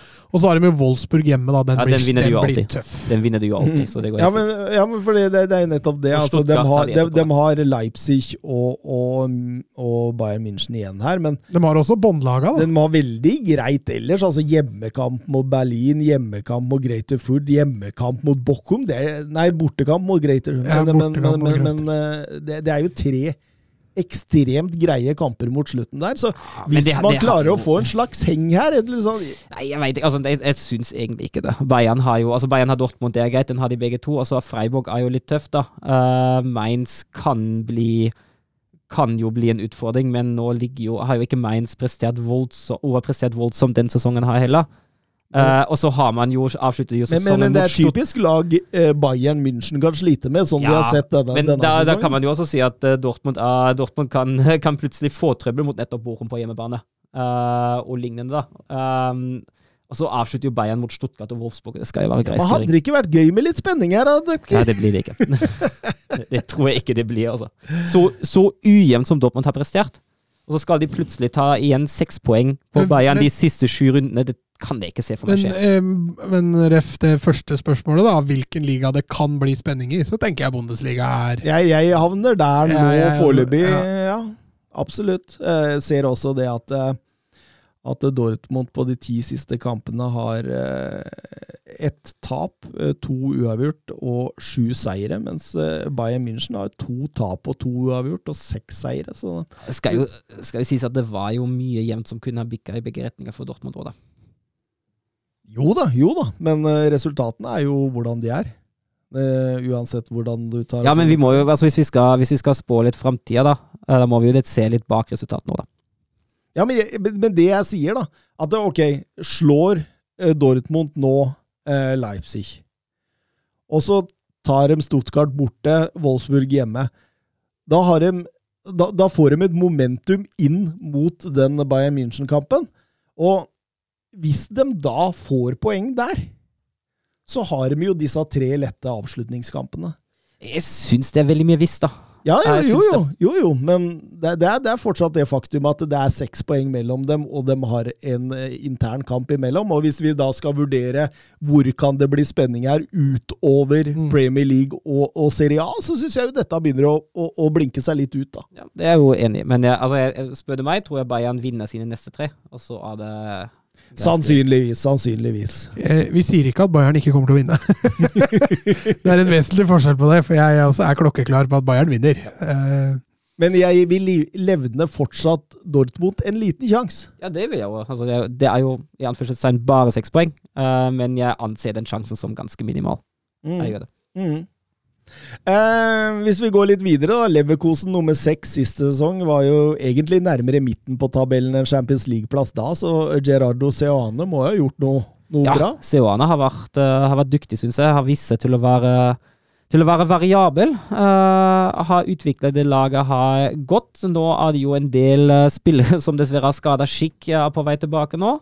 Uh, Wirtz er jo ute med resten av sesongen. Ja, den er den, var, den, var, den var kjip, altså. Jeg så, jeg så ikke kampen, jeg så bare jeg så plutselig på Twitter at han måtte ut, og så så jeg, så jeg hva som skjedde, og så oh, det, det, var, det var surt. Adli har nå, Han skada seg og er ute resten av sesongen, han òg. Da slipper de mest sannsynlig å selge Wirtz til sommeren, da. Ja, det kan fort, fort ende opp med det. Men jeg tror, jeg tror han hadde blitt, uh, blitt et år til uansett, ja. Men, eh, jeg- men altså, det, det som han har Det som Seoane har gjort, da, eh, og, gi, og litt sånn gitt nytt liv, da, eh, i den, i den troppen. Og jeg syns, jeg syns det ser mye stabilere ut. Altså, det, det sveier fortsatt en del mellom toppnivå og bunnivå, som har vært litt Leverskosens problem de siste åra. Eh, men jeg syns det begynner å nærme seg noe stabilt. Der. Eh, samt at laget har nå funnet både løsninger uh, med ball og mot ball, eh, og ser egentlig litt mer voksen ut i alle spillets faser.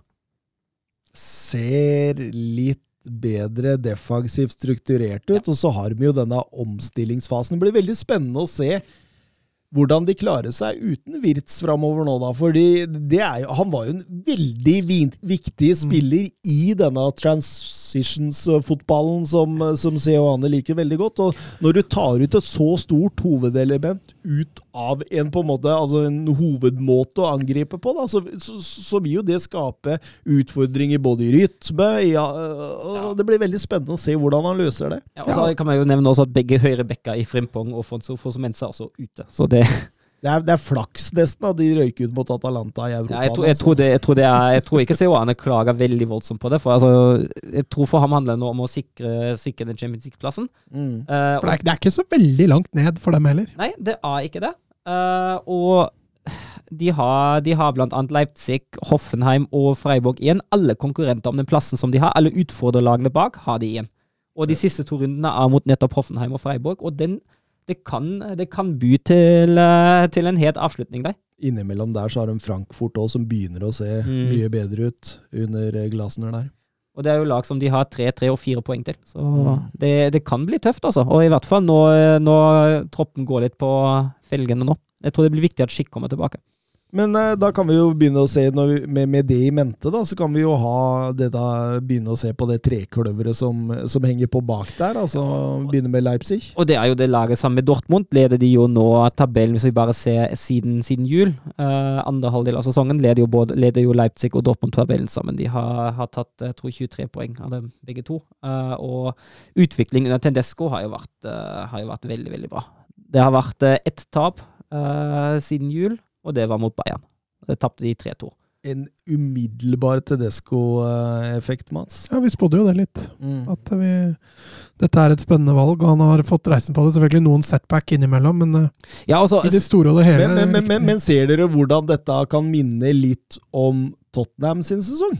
Ja. Med, med en Jesse Mars hvor det så litt energiløst ut, det var ikke noe offensivt trykk, ikke sant? Og så, og så bytter man rett før jul til en som får i altså Det ser ut som han har sprøyta inn adrenalinsprøyter i samtlige spillere. Det, det er jo en helt annen jo, type men Nkunku fungerte fra dag én under, under eh, Harry Kane fungerte ikke fra dag én.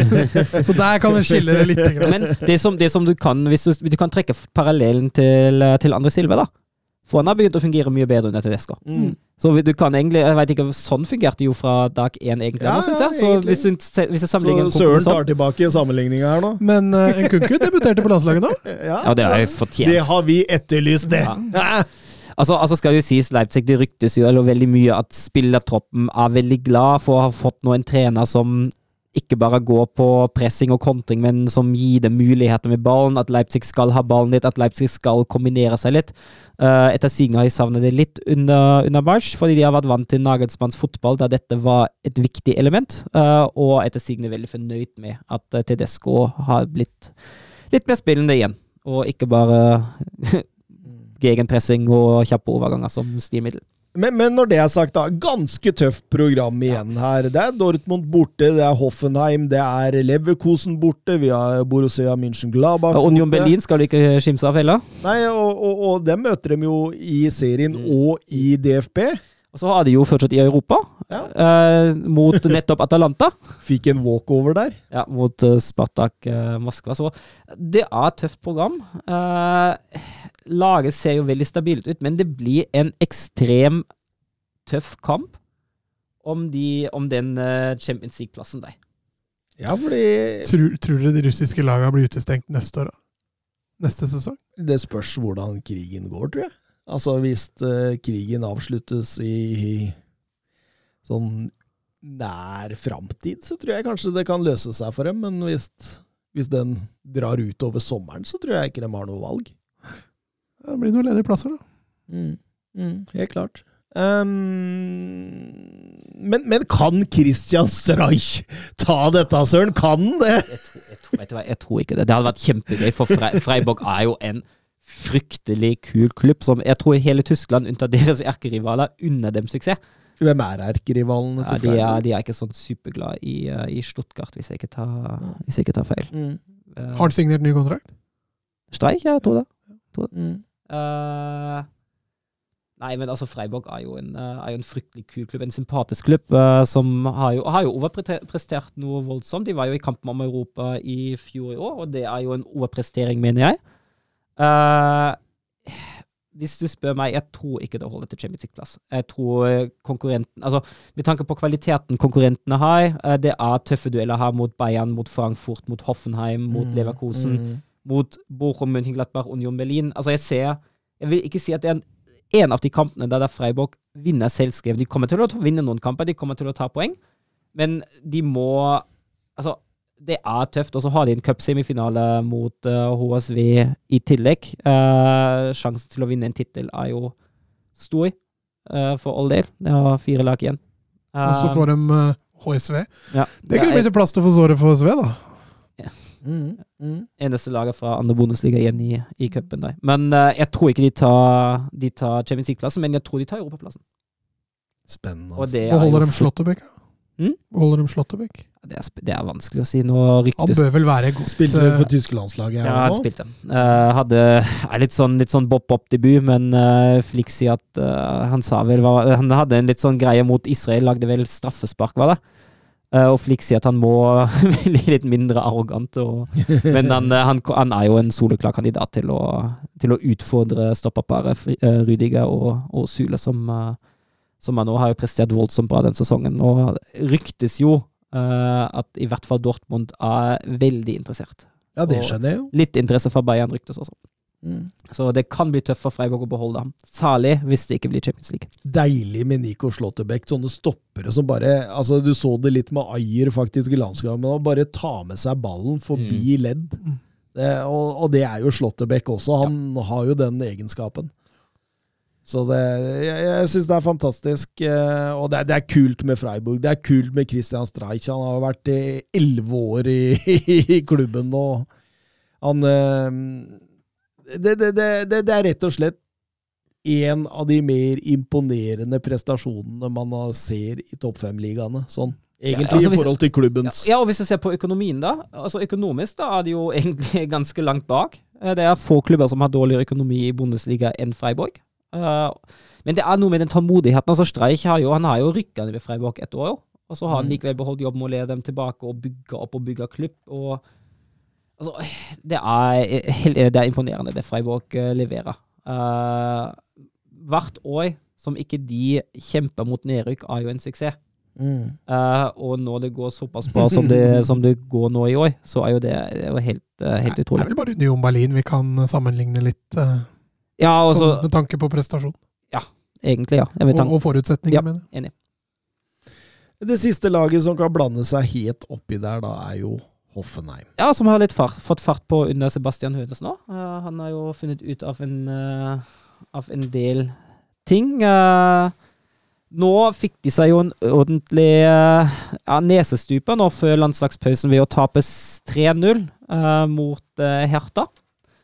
Ellers har de, jo, har jo kommet fra en rekke med én uavgjort og, og fire seire før det igjen. Men ja, det svinger fortsatt litt i prestasjonene.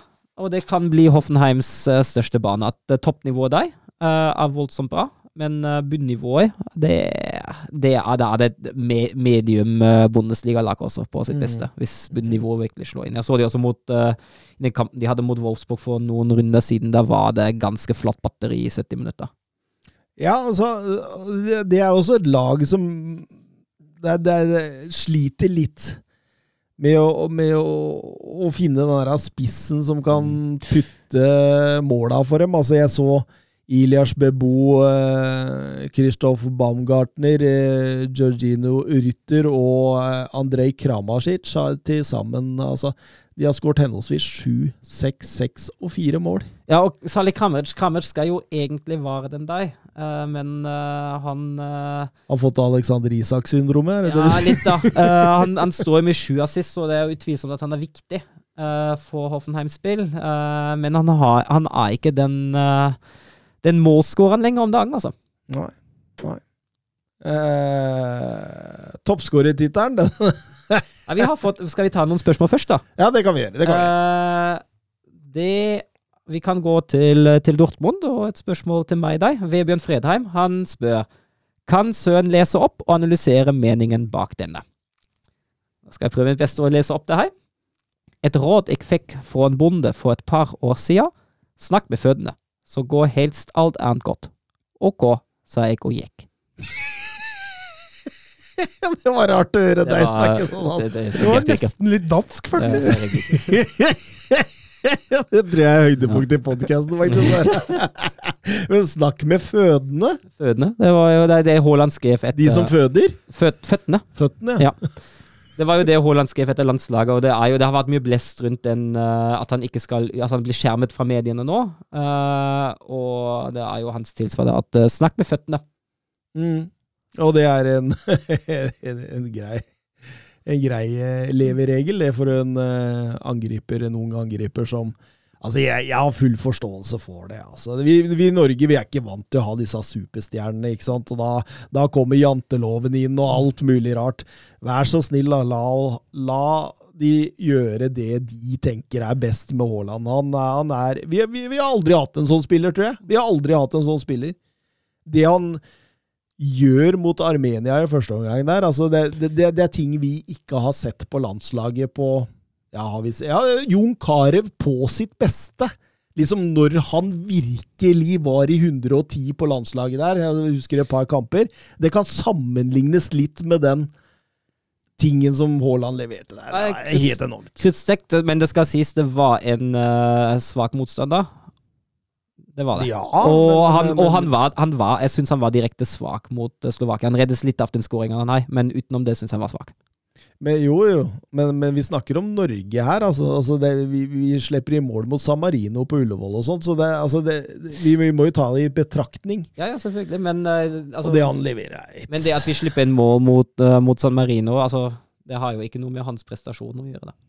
Nei, men poenget mitt er jo det at eh, det er litt annerledes å gjøre med dette internasjonalt for Norge enn å gjøre det for Tyskland, Sverige, Frankrike.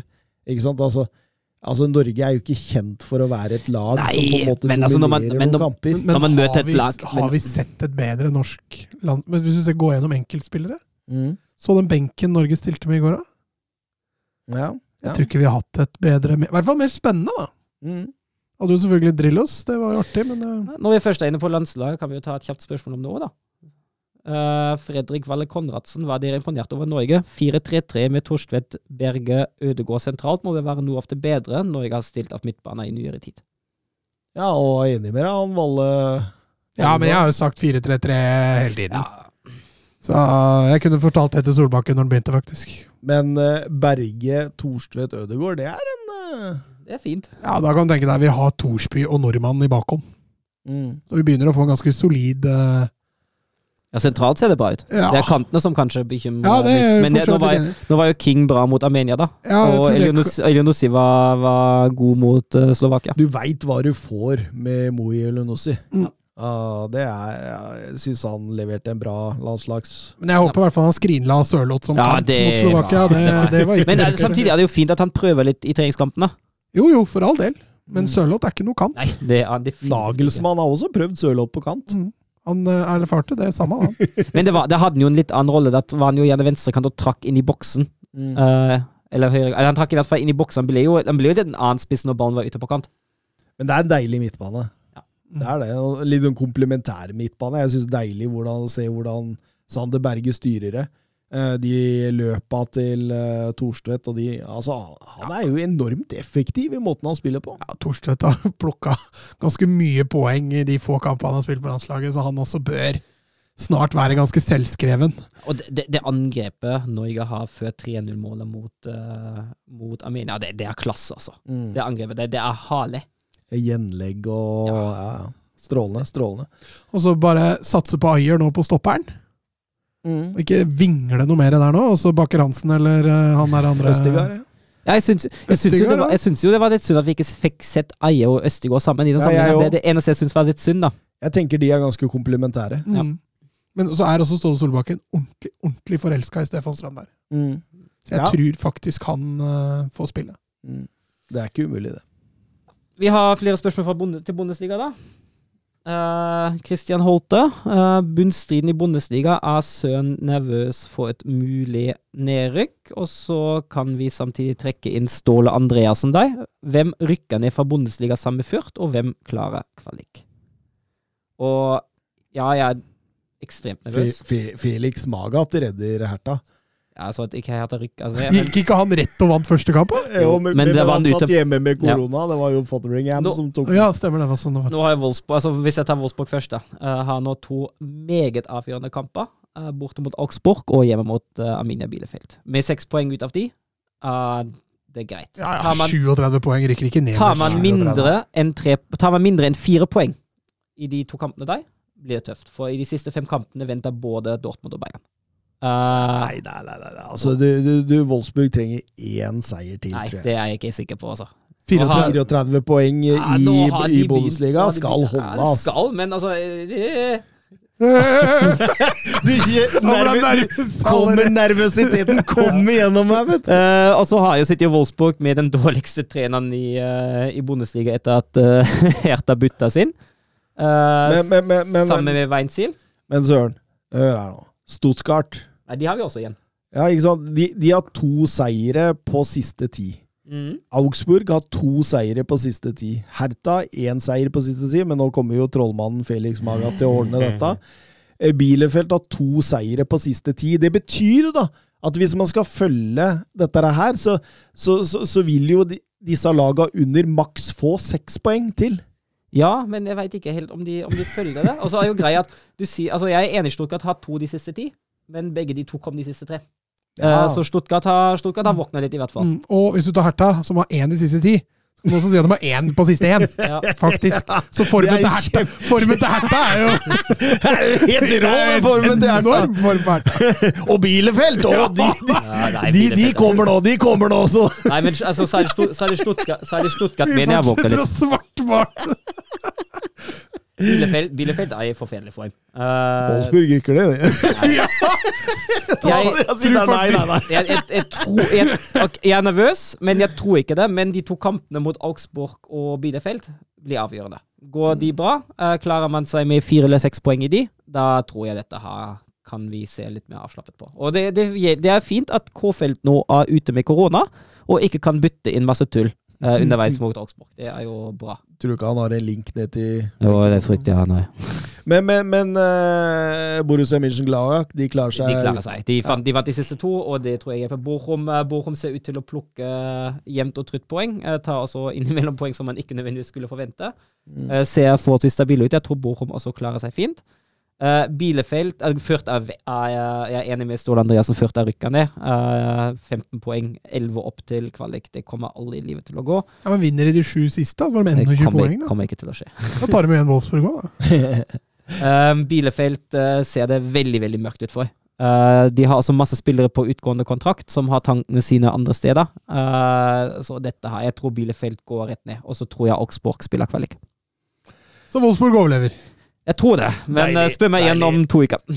Men eh, blei vi Konkluderte vi hvem som tar de fire Champions League-plassene i Tyskland? Konkluderte vi helt med det? Vi kan jo gjøre Altså, Bayern uh, Bayern og Dortmund tar jo dem. Bayern Og Leipzig tar den ene. Tredje. Jeg, Ja, ja, ja, jeg, ja. tror, jeg tror heller Leverkosen tar den ene. Altså. Jeg, jeg, jeg tror det ender opp med at de fire som Adam nå tar de. Eh, men jeg syns Leipzig, Leipzig er det mest usikre kartet.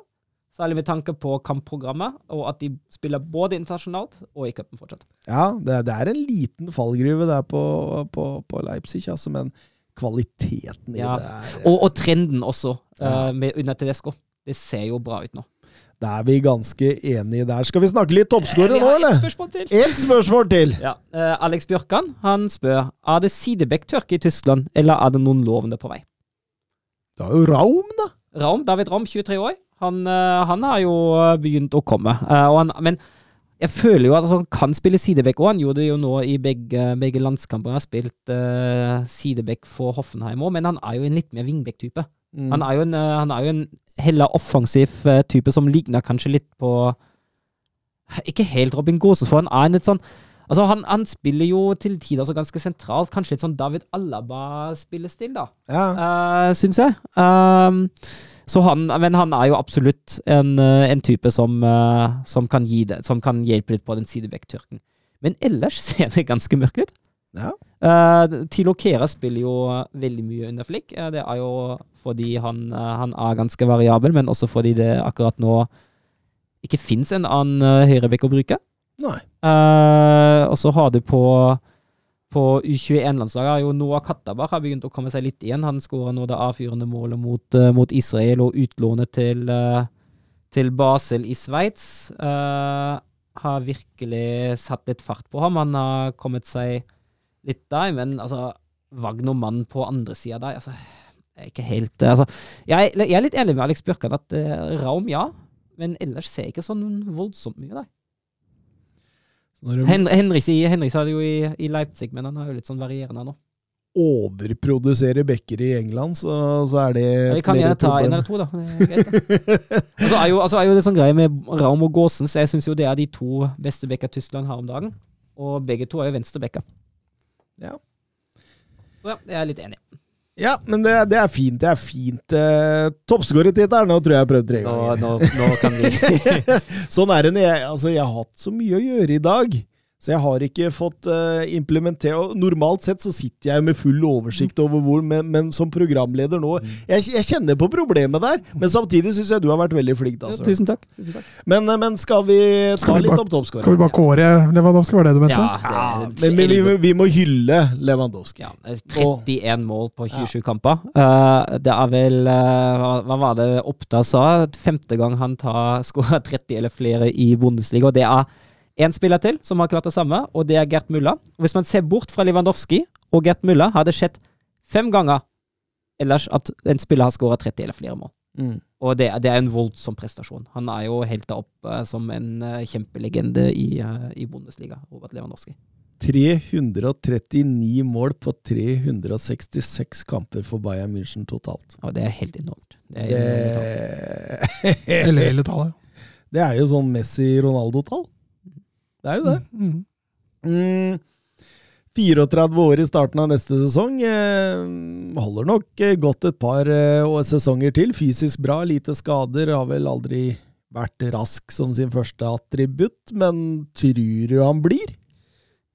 det, det er jo et spennende spørsmål. Uh, han har jo kontrakt nå ut uh, 2022-2023-sesong, hvis jeg ikke tar, hvis jeg ikke tar Mm. helt feil. Eh, og han kan jo fort ha en såpass stor verdi for Bayern eh, at Bayern sier at hvis, selv hvis Lewandowski ikke forlenger, at man eh, lar ham gå Ja, men, ja, men ah, Han- det- jeg, jeg liker ikke helt den der. Nei, jeg liker ikke den, men- Men altså, med tanke på, med tanke på alderen hans, da. ja. Uh, hvor mye får man egentlig for en 33 år gammel spiss som Nei. har ett år igjen i kontrakten? jeg, jeg mener jo de har fått best betalt for Lewandowski i de åra han har vært der. Og Ja. at, at hvis han har et brennende ønske om å prøve noe annet, så burde man som Ja. Bayern, som den storklubben de er Men det er ikke sånn, det er ikke sånn Bayern fungerer med tanke på profesjonalitetsnivået. Altså, hvis, hvis de finner en erstatter men, men, men, men vil Bayern ha en spiller som ikke vil spille der? Dortmund, eh, Dortmund gjorde det samme da Lewandowski ble klar for Bayern. De nekta ham å dra, og han spilte en siste sesong til Dortmund og var fremragende.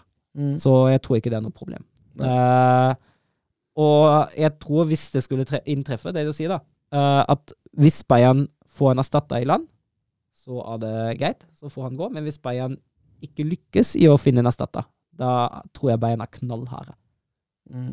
Mm.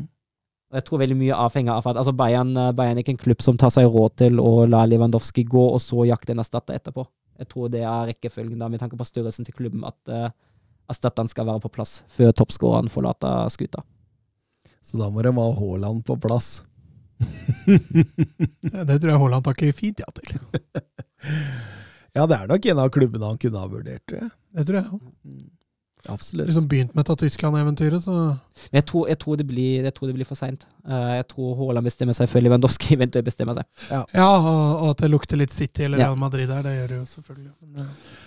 Men eh, på andreplassen der da, så finner vi jo en, eh, en kar som fort, har fortsatt flowen fra EM, det kan vi vel trygt si. Altså, han har jo altså, det, altså, Før EM så tenkte man jo at dette er en angriper som han liksom aldri helt kommer til å, å slå igjennom. Vi har jo tidligere tulla med eh, at å få skikk på skikk, og, og eh, Italia var han jo i. Var ikke noe voldsom suksess der, verken i Roma eller Sampdoria. Mm, RB Leipzig det funker ikke helt der heller. Eh, Ni mål på 29 sist sesong for eh, Leverkosen, men plutselig så tok han toppskåreren i EM sammen med Ronaldo og, og har ikke sett seg tilbake, egentlig. Nei, nå står han jo med 20 mål på 20 kamper i Leverkosen, og det er jo kruttsterkt, det. Eh, og han, uh, han har virkelig blitt en uh, viktig brikke for uh, Johannes Leverkosen sentralt i banen. Og han har blitt, har blitt en spiss som virkelig har fått farten på målskåringa. Brau, Brauten fortsatt på treet. Ja, med 16 mål på 17 kamper på ham. Det er helt greit, det. Det er Det er fint. greit. Eh. Og så har jeg lyst til å framheve de to som ligger bak òg. Uh, Konkos prestasjoner har vi fremhevet nok denne sesongen. Uh, han skårer jo jevnt og trutt, og så har han assist jevnt og trutt òg. Mm. det er sterkt. Og Anthony Modest får en renessanse han har fått, altså. Mm. 15 mål på 26 kamper. eh, hvordan han har nå fungert denne sesongen eh, i Steffen Baumgarts system etter at han var i Kina og ble lånt ut til Frankrike og ingenting funka. Og så kom han tilbake og slår så voldsomt tilbake. Det, det er sterkt, det står det respekt av. Og Thomas Miller leder assistligaen med et hav på Florian Wirth, som ikke kommer til å nærme seg pga. skaden sin. Og det er så synd. Da har vi turen til Zeria. era il marcatore di Cannavaro. Palla tagliata, messa fuori, c'è Pirlo, Pirlo, Pirlo, ancora Pirlo di tacco, tiro, gol! Grosso, grosso! Di Grosso, di Grosso! Og her her er det spenning her, for her skiller det kun sju lag i topp fire, og alle laga viser en litt sånn ustabilitet, stort sett. altså både Enten om det er i resultater, men, men, men også på en måte litt i prestasjoner, syns jeg. Det er jo ingen som Å, de er så gode nå at de stikker av. Men man kan jo ikke si det. Det er fullstendig åpent. Mm. Eh, Veldig, veldig spennende. Vi Ja. kan begynne på toppen med Milan. Hva tenker du, Søren? Ja, jeg tenker jo at eh, det Det har jo eh, Det har jo vært en, en god sesong. Og hvis vi snakker stabilitet, så har kanskje vært Milan i de siste kampene i hvert fall vært det mest stabile. Det er to, to uavgjort og fem seire i de siste sju. Det har riktignok vært samtlige seier vært med ett måls forskjell, så det Ja. kunne fort ha vippa den andre retninga òg. Men hvis vi ser på de rene resultatene, er det stabilitet der. Ja, jeg var, jeg var jo inne på det i siste episode, eh, som du ikke var med i, Søren, at eh, den virker nesten litt sånn Leicester sin gullsesong. Altså eh, åpna spektakulært. Eh, god angrepsfotball. Jeg Husker jo Mares og, og Wardy der som herja så verst. Og, og det kan du trekke paralleller med, med Milan òg. Husker jo 2-3-seieren borte mot Atalanta der. eh, 3-2-seieren mot Hellas Verona. De hadde vel 2-4 mot Bologna og 4-3-tap vel mot eh, Fiorentina der. Jeg Tror også det var målkalas mot Roma i den første kampen. Og så, og så kommer vi jo nå til den perioden her nå hvor de har, eh, de har eh, grinda ut resultater og, og, og ser Gjort det mer tett bakover, egentlig. Så, så, så Det kan være et lite Pioli masterpiece, dette her, Mats. Ja, de har jo fått den lille fordelen. da. Så nå skal vel Inter ha vel en hengekamp som gjør at de kan nærme seg litt. Men eh, eh, Milan ser ut som en, eh, som en god gullkandidat i øyeblikket. Mm, mm. Ganske greit program igjen nå, ser jeg her. Ja, de har det. De har, ingen av de antatt topplagene, vel Atalanta eller noe sånt, mm. er vel kanskje det beste laget de har igjen, og det er på hjemmebane. Så de er også blant de snilleste kandidatene, kanskje sammen med Juventus, som også har et forholdsvis enkelt program igjen etter at de har møtt Inter vel nå til helga. Så har vel heller ikke de de helt store igjen. Eh, Skal sies at det lukter litt 0-0 i den Genoa-kampen som kommer om tre serierunder. men dem har Milan nå, nemlig, så det kan fort bli 0-0 her òg. Men ja, det, det var også en Copa Italia-semifinale mot Inter Milan å tenke litt på, men ellers så ser det for så vidt greit ut. Ja, Lazio, Fiorentina, Sassolo det er, det, det, er jo, det er jo ikke bare bare, men samtidig det er greit, tenker jeg. De, de, de, de har i hvert fall en stor sjanse her.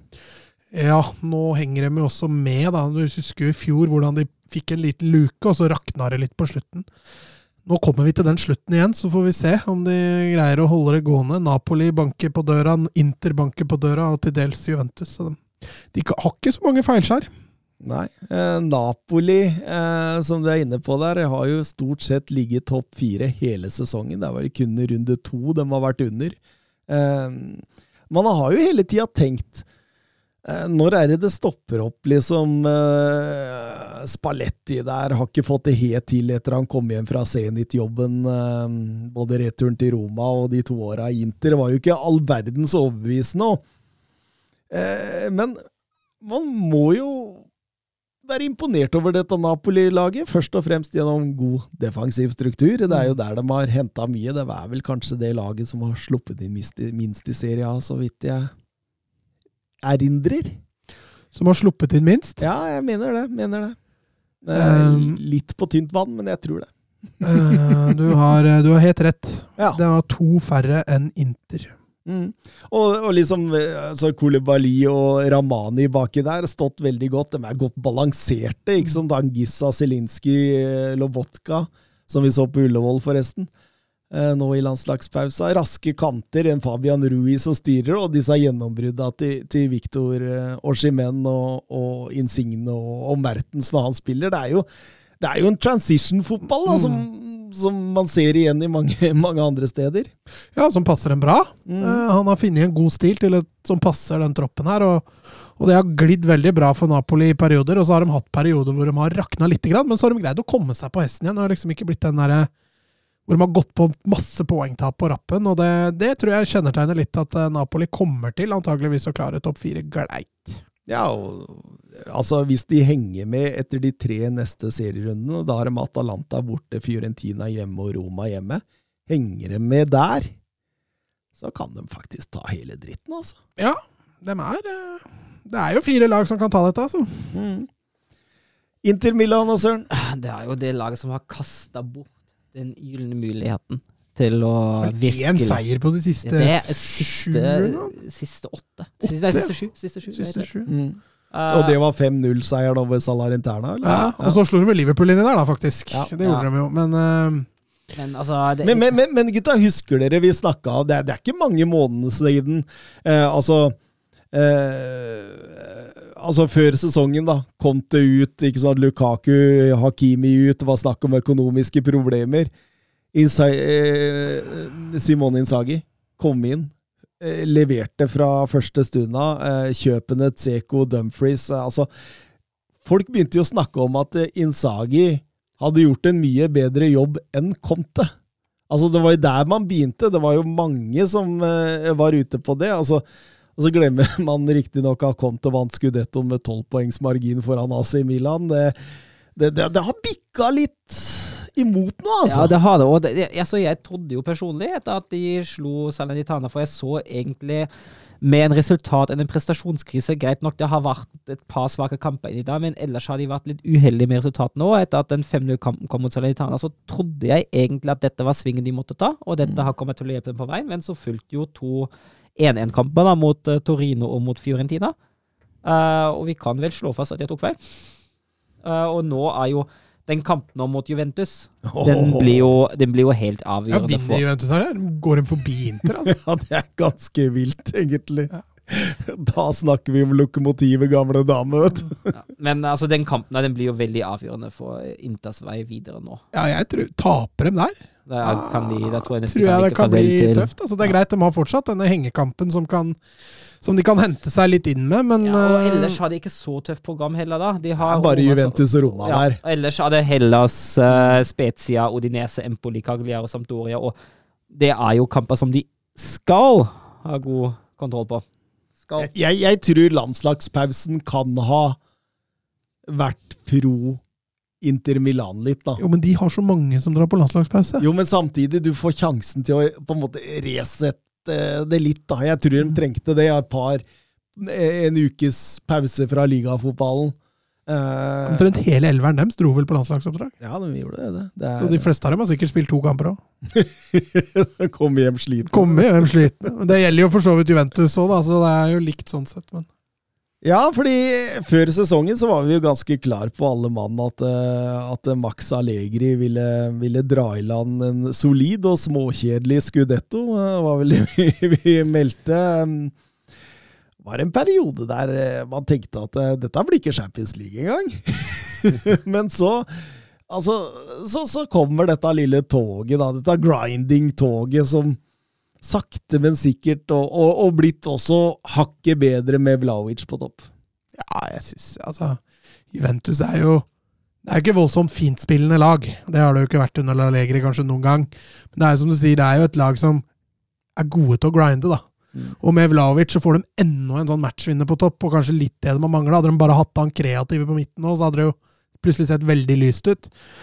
Eh, og som vi har vært inne på, den kampen mot Inter kan definere litt. Taper de der, så, så tror jeg til og med jeg må erkjenne at det ikke blir noe skudetto.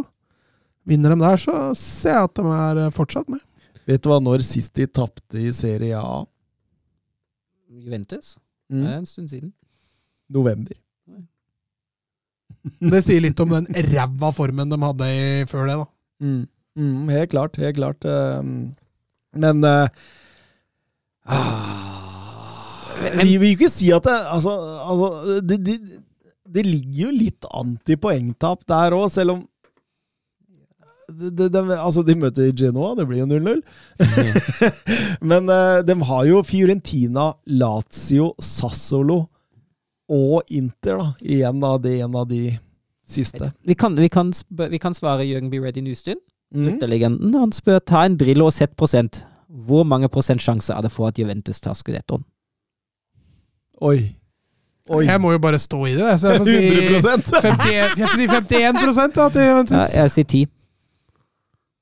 Ja Mellom 10 og 15 et sted er nok jeg òg, tror jeg kanskje. Men dere som vingler litt, hvor mange prosent sjanse er det for at Inter tar det? 51. Nå, jeg kan ikke vingle vekk fra internett. det går ikke. Ja, 10-15 der. Du vingler litt der, da. Bytte favoritt for Og så er jeg 10-15 på Napoli og 10-15 på Du er på, du er på 60 til sammen. Nei, ja ja, fordi jeg har 40 på Roma.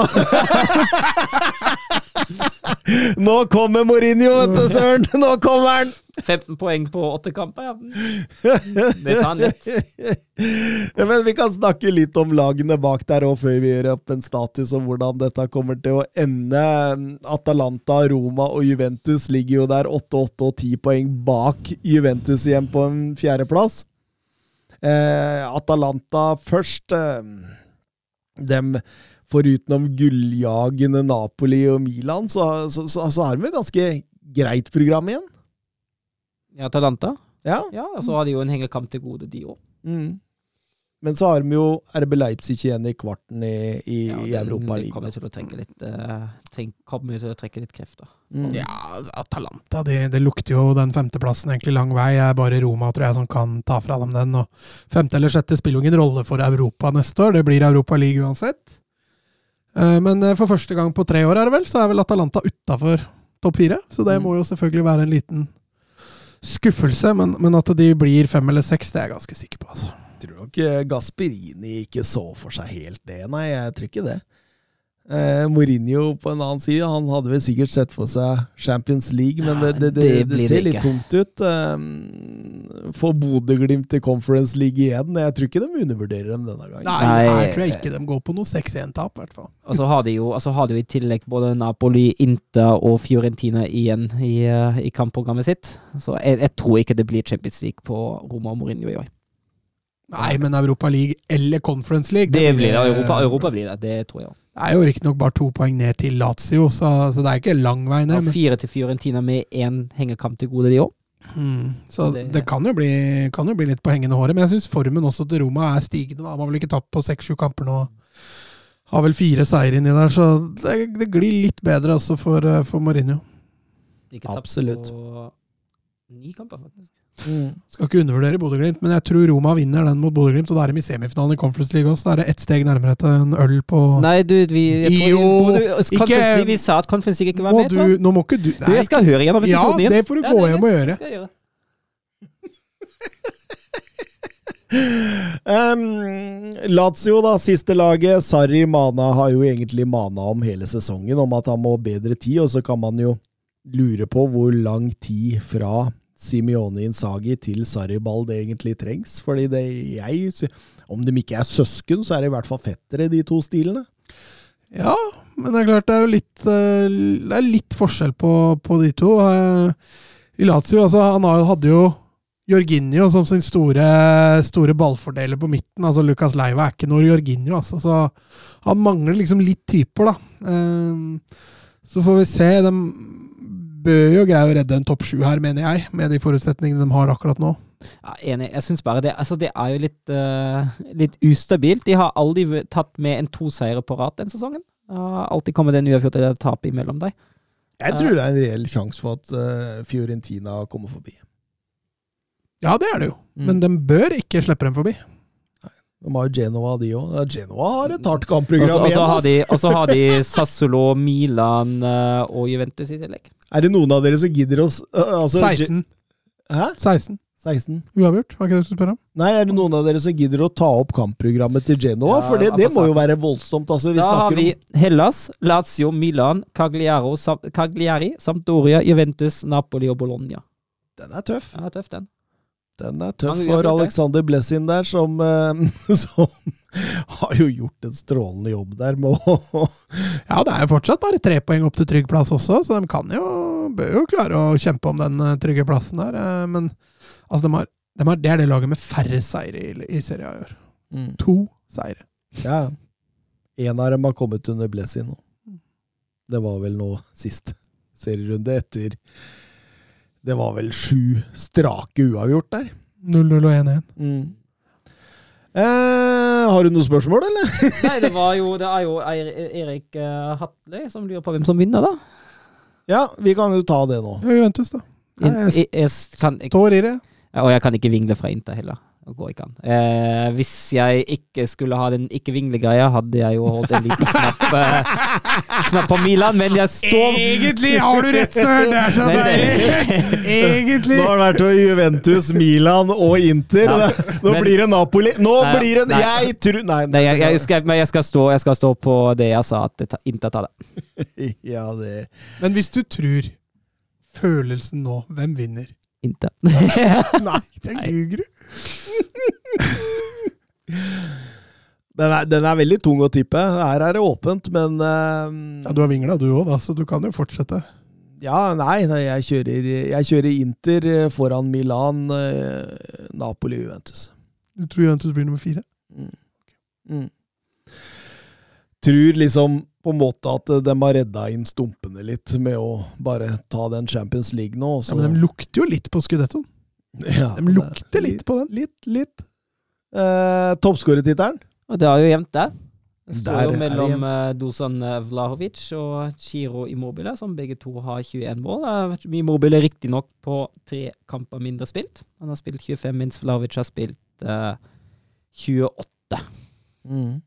Ja, så er det litt avstand ned til Tame Abraham og, og Simione, men eh, Og så skal ja, Vlaovic tror jeg Jeg tror han bagger den, Det altså. skal jo sies han har bare skåra fire mål for Juventus siden overgang, da. Det er ikke fem, da? Jeg vil ta med Champions League, da. Nei, ja, ja. Se, altså han har skåra ut ja, ifra det ja. Ut ifra det jeg ser her nå, så har han skåra Herregud. Så har han skåra uh, ett mot Hellas, to mot Empoli og ett mot Saladitana. Mm, mm. Det kan stemme, det. Så han på fire. I hvert fall ifølge Transfermarkt. Ja, han skåret i hvert fall ett mot Villarreal i Champions League. Stemmer det. Eh,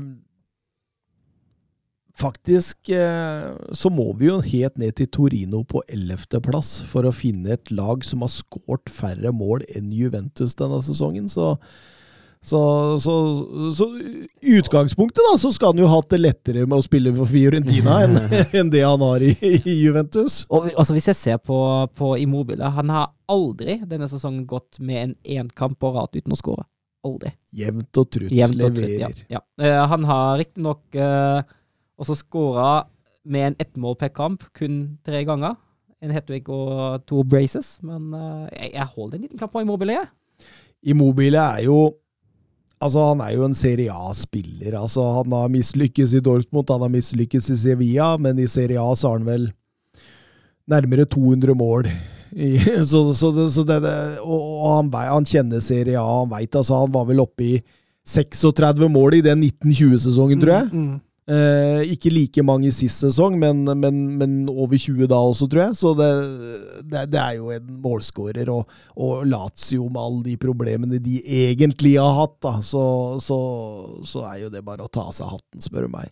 Eh, en Giovanni Simione der som han har jo skåra brorparten av, av måla hans sine på tre måneder. Mm. Knapt nok skåra etter. Så, det, så, så, så altså at han skal ligge oppi der, det er jo kanskje litt imot uh, mot oddsen. Um, Tammy Abraham ser jo bare egentlig bedre og bedre ut i Roma-drakta. Tror han fort kan sementere den tredjeplassen. Um, ta med at uh, Domenico Berardi leder assist-ligaen der. Ja, han ligger vel høyt oppe på toppskårerlista. Ja, 14 han- mål og 14 assist. Så han, eh, han har plukka mye poeng. Han. Vi har vel vært inne på det at det er vel bare et tidsspørsmål før han eh, drar til nye eventyr i litt høyere nivå. Han burde gjøre det. Han burde, og han fortjener det. Eh, vi går til slutt over til Ligue 1. sur la frappe de Messi de, De de Mercado, Mercado, oui. Oui. Mercado, et, et là aussi on a un petit peu de réussite. Griezmann sur l'appui, c'était bien joué avec Giroud. Oh, Sylvain Oh, Sylvain, il l'a vu Oui. Kylian Mbappé Kylian Mbappé, il l'a vu Ça fait 4 Et ça fait peut-être un quart de finale pour l'équipe de France. 68e minute Oh, la joie collective parce qu'ils ont tous jailli du banc pour aller saluer cette passe décisive géniale de Giroud et ce doublé pour Kylian Mbappé Og, og i Ligue Ø har det vel egentlig aldri vært noe tvil om hvor det, det gullet skal gå. Nei, nå skal det jo sies at formen til PSG nå har jo vært eh, mildt sagt eh, ganske dårlig. Altså, hvis du tar de fem siste kampene, så må vi helt ned til Brest på 13.-plass for å finne et lag med dårligere form enn eh, PSG. Så de, de har jo helt klart sluppet opp på gasspedalen i, i Ligue og har jo nå tapt på de tre av de fem siste kampene sine. Når de da totalt har tapt fire kamper denne sesongen, så sier det litt om eh, om den svake formen, men avstanden ned er så stor, og lagene bak er også veldig variable, så her ser jeg egentlig ingen mulighet for spenning, altså. Tolv poeng på altså, ni kamper igjen, og kvaliteten er såpass stor. Så de kommer til å grinde ut noen resultater, og så kommer de til å være ferdig. Ja, du kan liksom se bak. Altså, Renn har vært relativt stabile, har vel vunnet eh, seks av de sju siste, eller noe sånt, så, så der har det vært, eh, vært bra. De ligger vel på tredje, men også Marseille har jo, har jo ikke gjort det så bra. Strasbourg, som ligger på femte, har vel bare vunnet én av de siste seks, eller noe sånt. Så Altså, altså, hvis- Nice og Marseille er vel de som bør være med å konkurrere der, men er for langt bak. Ja, Altså. altså, altså Det eneste store laget som PSG også har igjen, det er Marseille. Ellers er det Loriot, Clément, Anger, Lens, Strasbourg, Troa, Montpellier og Metz. Så jeg ser ingen vei. Jeg er helt enig med at jeg ser ingen vei utenom eh, PSG her, altså. Ble slakta sist serierunde mot eh, Monaco der, og, og rapportene hagler jo inn om dårlig stemning, om en trener som ikke vil være der, spillere som vil ikke være der. Mbappe blir gratis om noen måneder og, og forlater trolig Di Maria er ferdig, Neymar vil bort, Messi har skrevet brev til Barcelona og ønsker seg tilbake igjen. Hakimi er siste på lista nå som sier 'her vil jeg ikke være'. Um, det, for meg så så virker det som QSI-satsinga i PSG går mot slutten. Altså at man holder ut til sesongen Ja, altså, i VM og, og Qatar-VM, og da Man kan, man kan jo spørre seg litt, da. Uh, hvis ikke de skal lykkes med det overgangsvinduet de hadde nå, med de stjerner som de har henta inn, uh, nå skal det egentlig lykkes. Hva skal til for at PSG lykkes internasjonalt. må bytte liga, da, for de får ikke god nok matching. Eller at, eller at man endrer strategi og heller henter de mest sultne og største talenter i Frankrike. da. Mm. Og ha en liten blanding der, istedenfor å bare hente mette stjernespillere. Altså, Spiller de som de gjorde mot Monaco nå, resten av kampene her, da, da kommer de til å fortsette å tape en god del poeng. Og så sier jeg ikke at den eh, ligatittelen er trua, for det, det er den selvfølgelig ikke. Men, men eh, Nei. Jeg har vel egentlig kun Marseille igjen som er veldig, veldig vanskelig. Så jeg tror dette skal gå knirkefritt for PSG likevel. Men så er det spennende å se på fremtida her, da. Hva skjer med Paris Saint-Germain nå? Jeg syns det er eh, vanskelig å si, altså. Så det, det, det blir spennende. Eh, Nærmest eh, PSG ligger jo Marseille. Eh, var vel én av to vi snakka om skulle følge eh, PSG lengst. Vi Ja, kunne jo- følge dem, ja. Mm. Eh, men det har blitt for mange unødvendige poengtap for Sampaiolis eh, menn. Altså, har vært veldig svake hjemme på velodrom.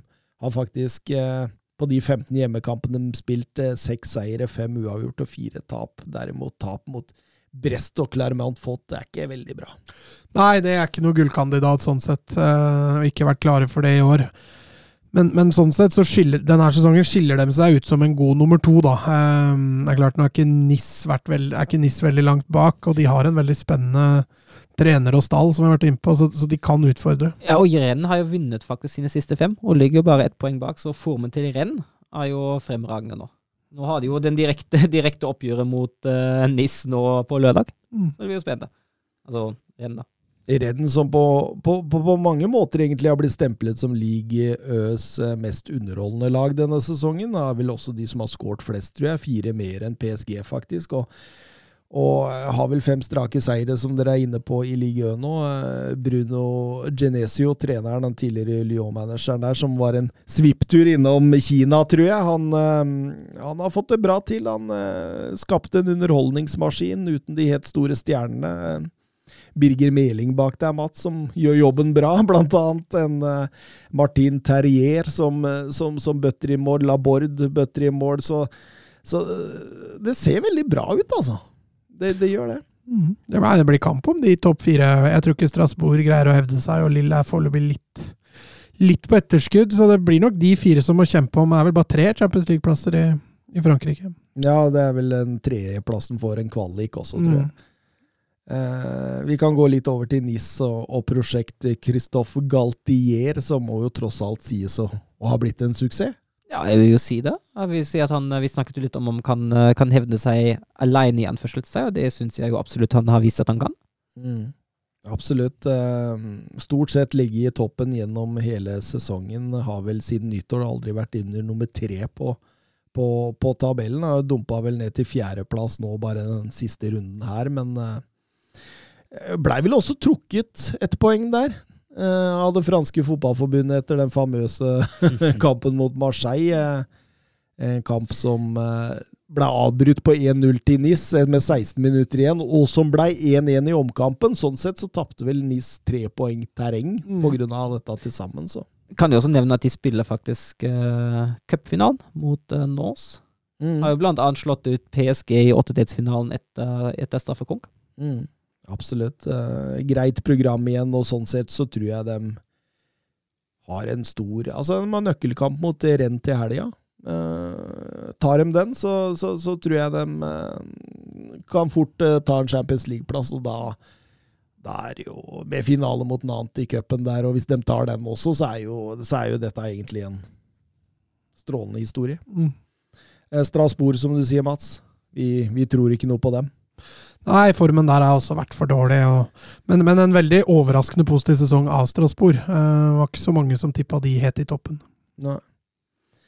Eh, vi kan jo ta litt grann om Lill også. Sist sesongsmester som har kara seg opp på nær en sjetteplass, Mats. Mm, uh, fått seg en liten knekk, men det var vel, vi, vi var vel ikke spesielt overraska over det, med tanke på at de mista Galtier og, og flere viktige spillere. Nei, nå har jo, har jo det siste vært, eh, vært bra med fire kamper og to eh, Nei, fire seire og to uavgjort på de siste seks. Eh, så formen da er i hvert fall eh, litt stigende nå. Og det er jo ikke helt eh, Altså Strasbourg, som, eh, som vi har vært inne på, det ligger jo bare to poeng foran, så det kan, eh, kan fort bli eh, en europaplassering likevel, til slutt. Mm.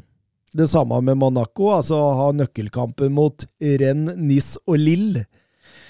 Tar de sju poeng på de tre kampene, så tror jeg Europa fort kan være mulig i forhold til resten av, eh, av eh, programmet her.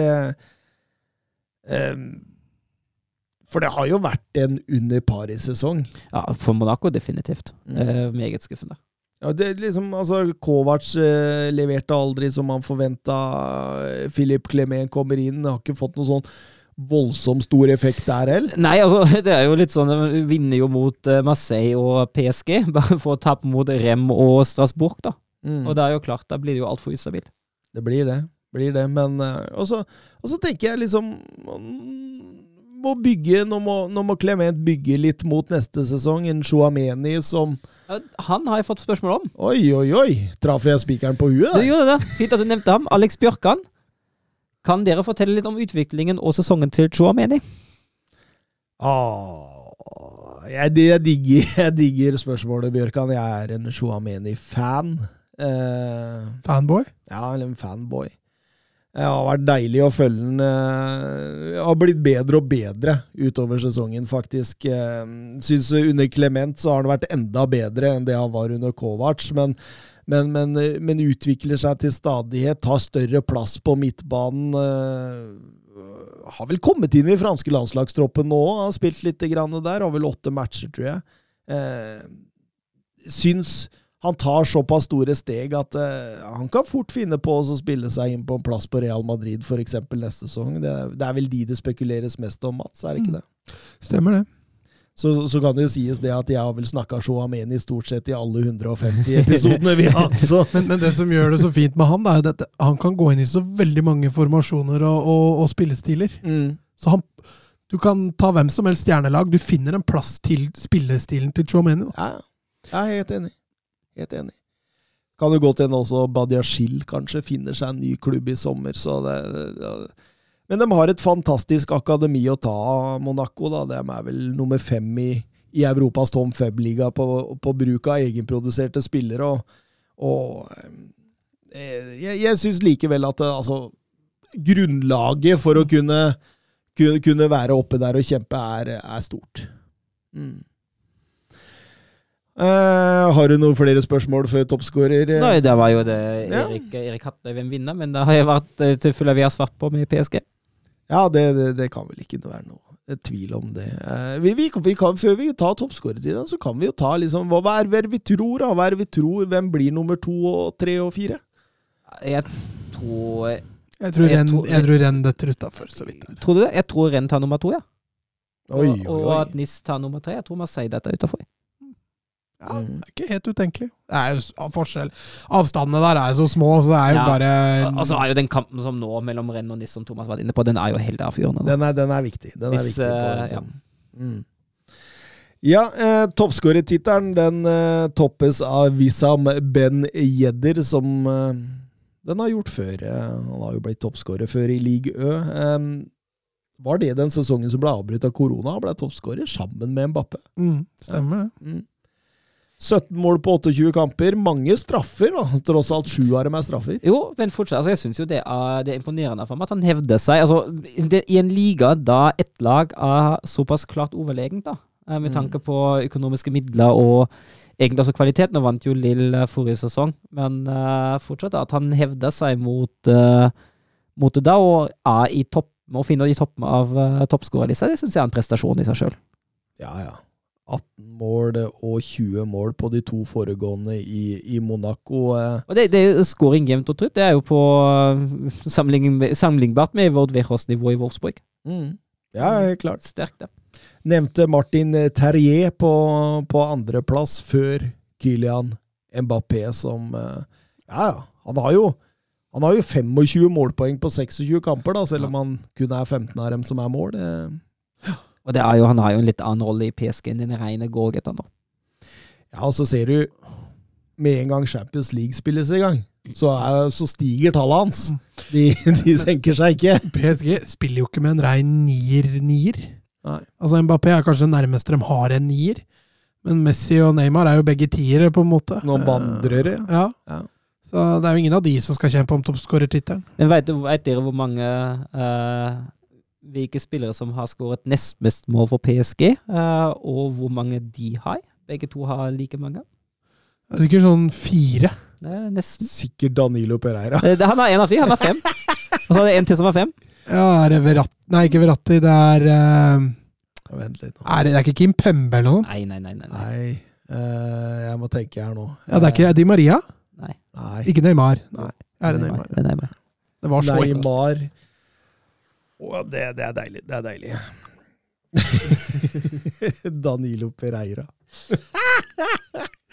Det sier litt hvordan sesongen har vært når han er toppskårer nummer to i klubben. Nei, det er eh, Når det gjelder assist, så er jo faktisk Messi på delt første, da. Ja, Ja, det er vel kanskje det mest eneste positive han har å skimte med denne sesongen. Da.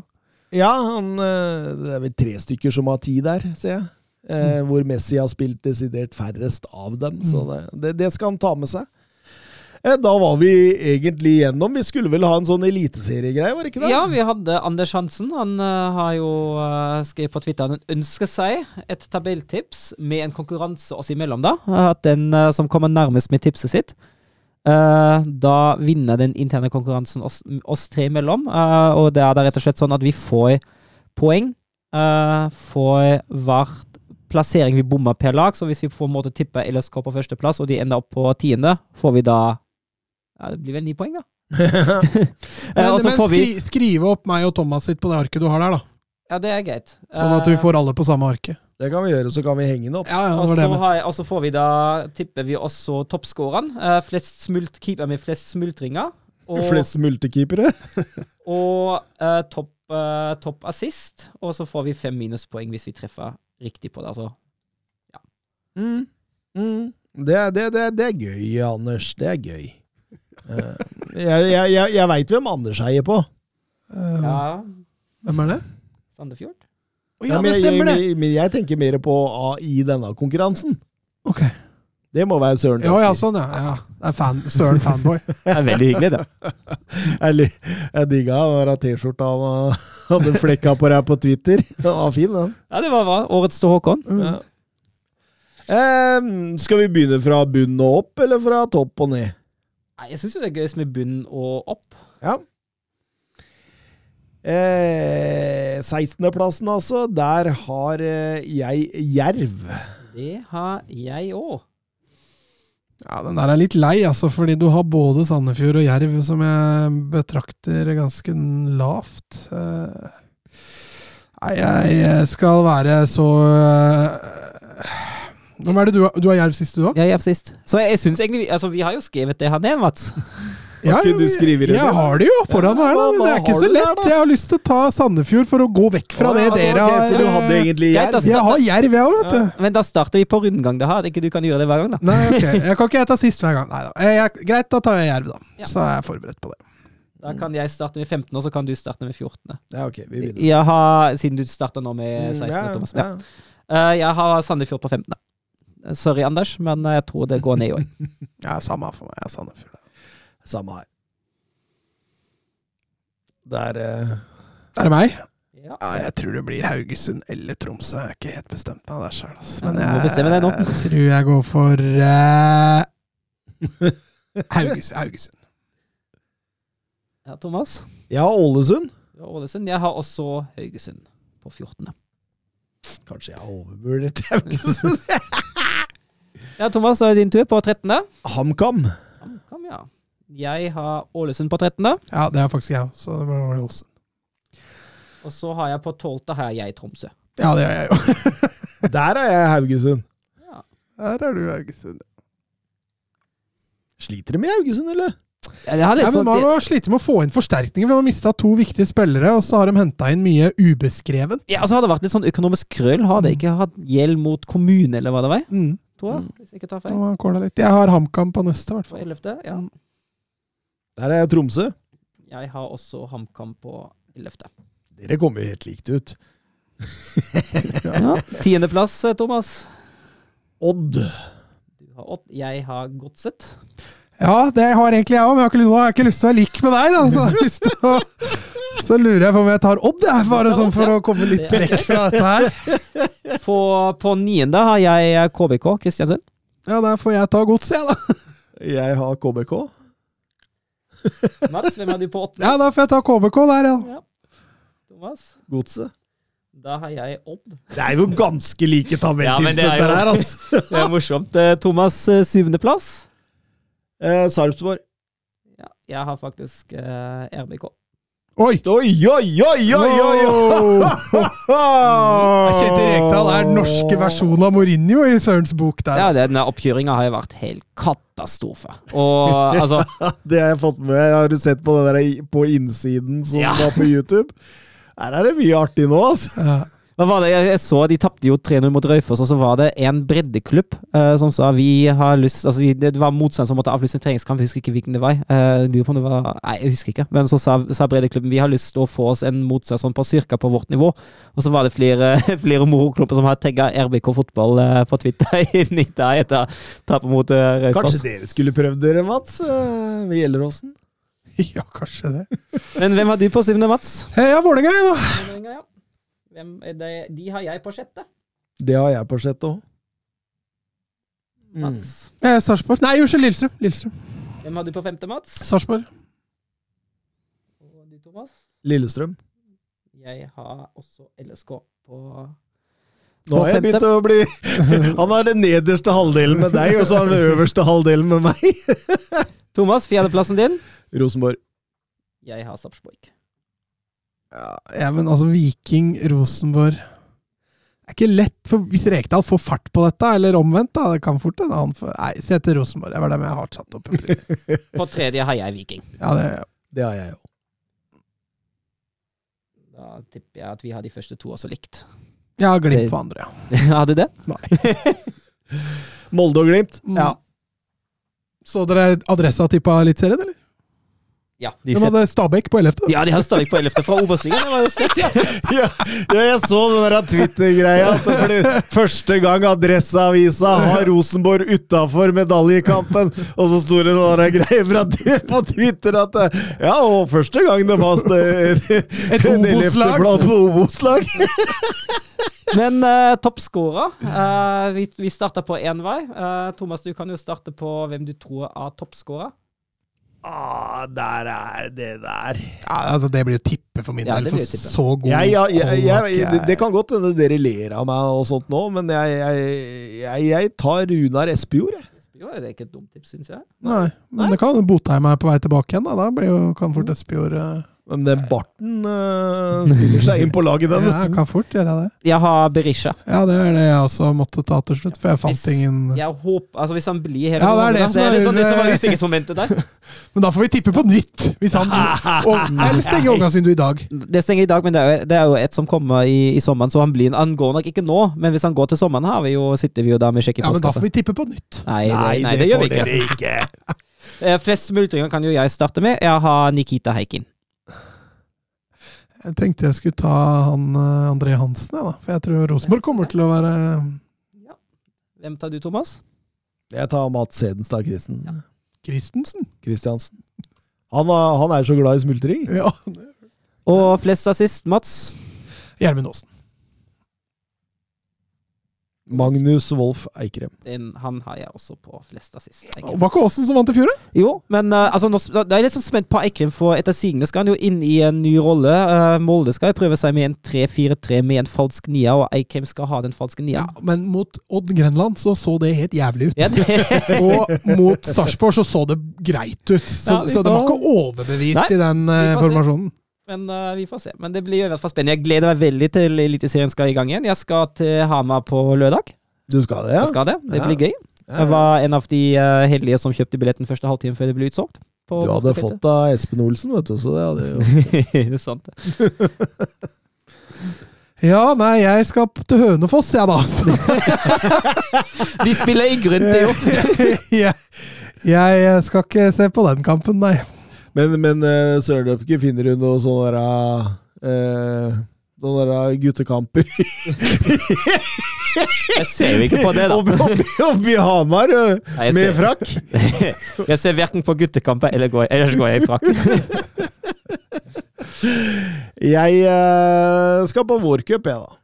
Ja, det er nå, ja. Ja. Og jente 15 skal være med der. Nei. Nei, men, du har eh, dugnad? Nei. Å nei. Mathilde, ja, selvfølgelig! Ja, ja, ja. Jeg har jo en uh, liten datter som, som har begynt med fotball også. Jeg, jeg skal ned der og være sånn reservecoach for laget deres. ja. Mm. Du byttes inn hvis det går bra eller dårlig, eller? Uh, nei, det veit jeg ikke ennå. Jeg, jeg bare gjør hva jeg får beskjed om. Ja. Mm. Det er nemlig min samboer som er trener for de. Mm. Så jeg skal være med hun og lede laget. Så, så, så får hun styre, og så får jeg eh, Stelle. ste- Trå til hvis jeg må. Men det er jo, det er jo klart det, det er jo begrensa hva man får gjort med sjuåringer på Ja, men du skal aldri undervurdere en, en heiagjeng. Nei, og, og, og, og en god taktikk. Ja. På sjuåringer, ja. Det, det er uslåelig hver gang.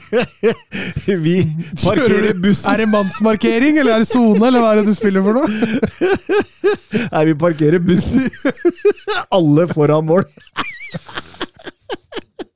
Dritkjedelig fotball. Ja, og hvis jeg ser noe blits i skogen oppi der Da veit jeg at Søren er på breddekamp. Han har allerede Li på, på lista si, så det, Ja, den er, den er Den ikke er sant. Men den er eh, ferdig. hvis vi hadde spilt den på mandag, kan jeg kommet og sett på kampen din Ja, etterpå, Mats. vi gikk ikke glipp av noen ting. Så. Nei, Sju mål eh, for statistikken er ikke dumt. Ja, men hvis du ikke hadde heia på Gjelleråsen der, så hadde jeg blitt litt skuffa over det. Altså. Ja, jeg hadde heia på Gjelleråsen, det hadde jeg gjort definitivt. For seg Gjelleråsen, vi eh, sier adjø. Adjø. Det.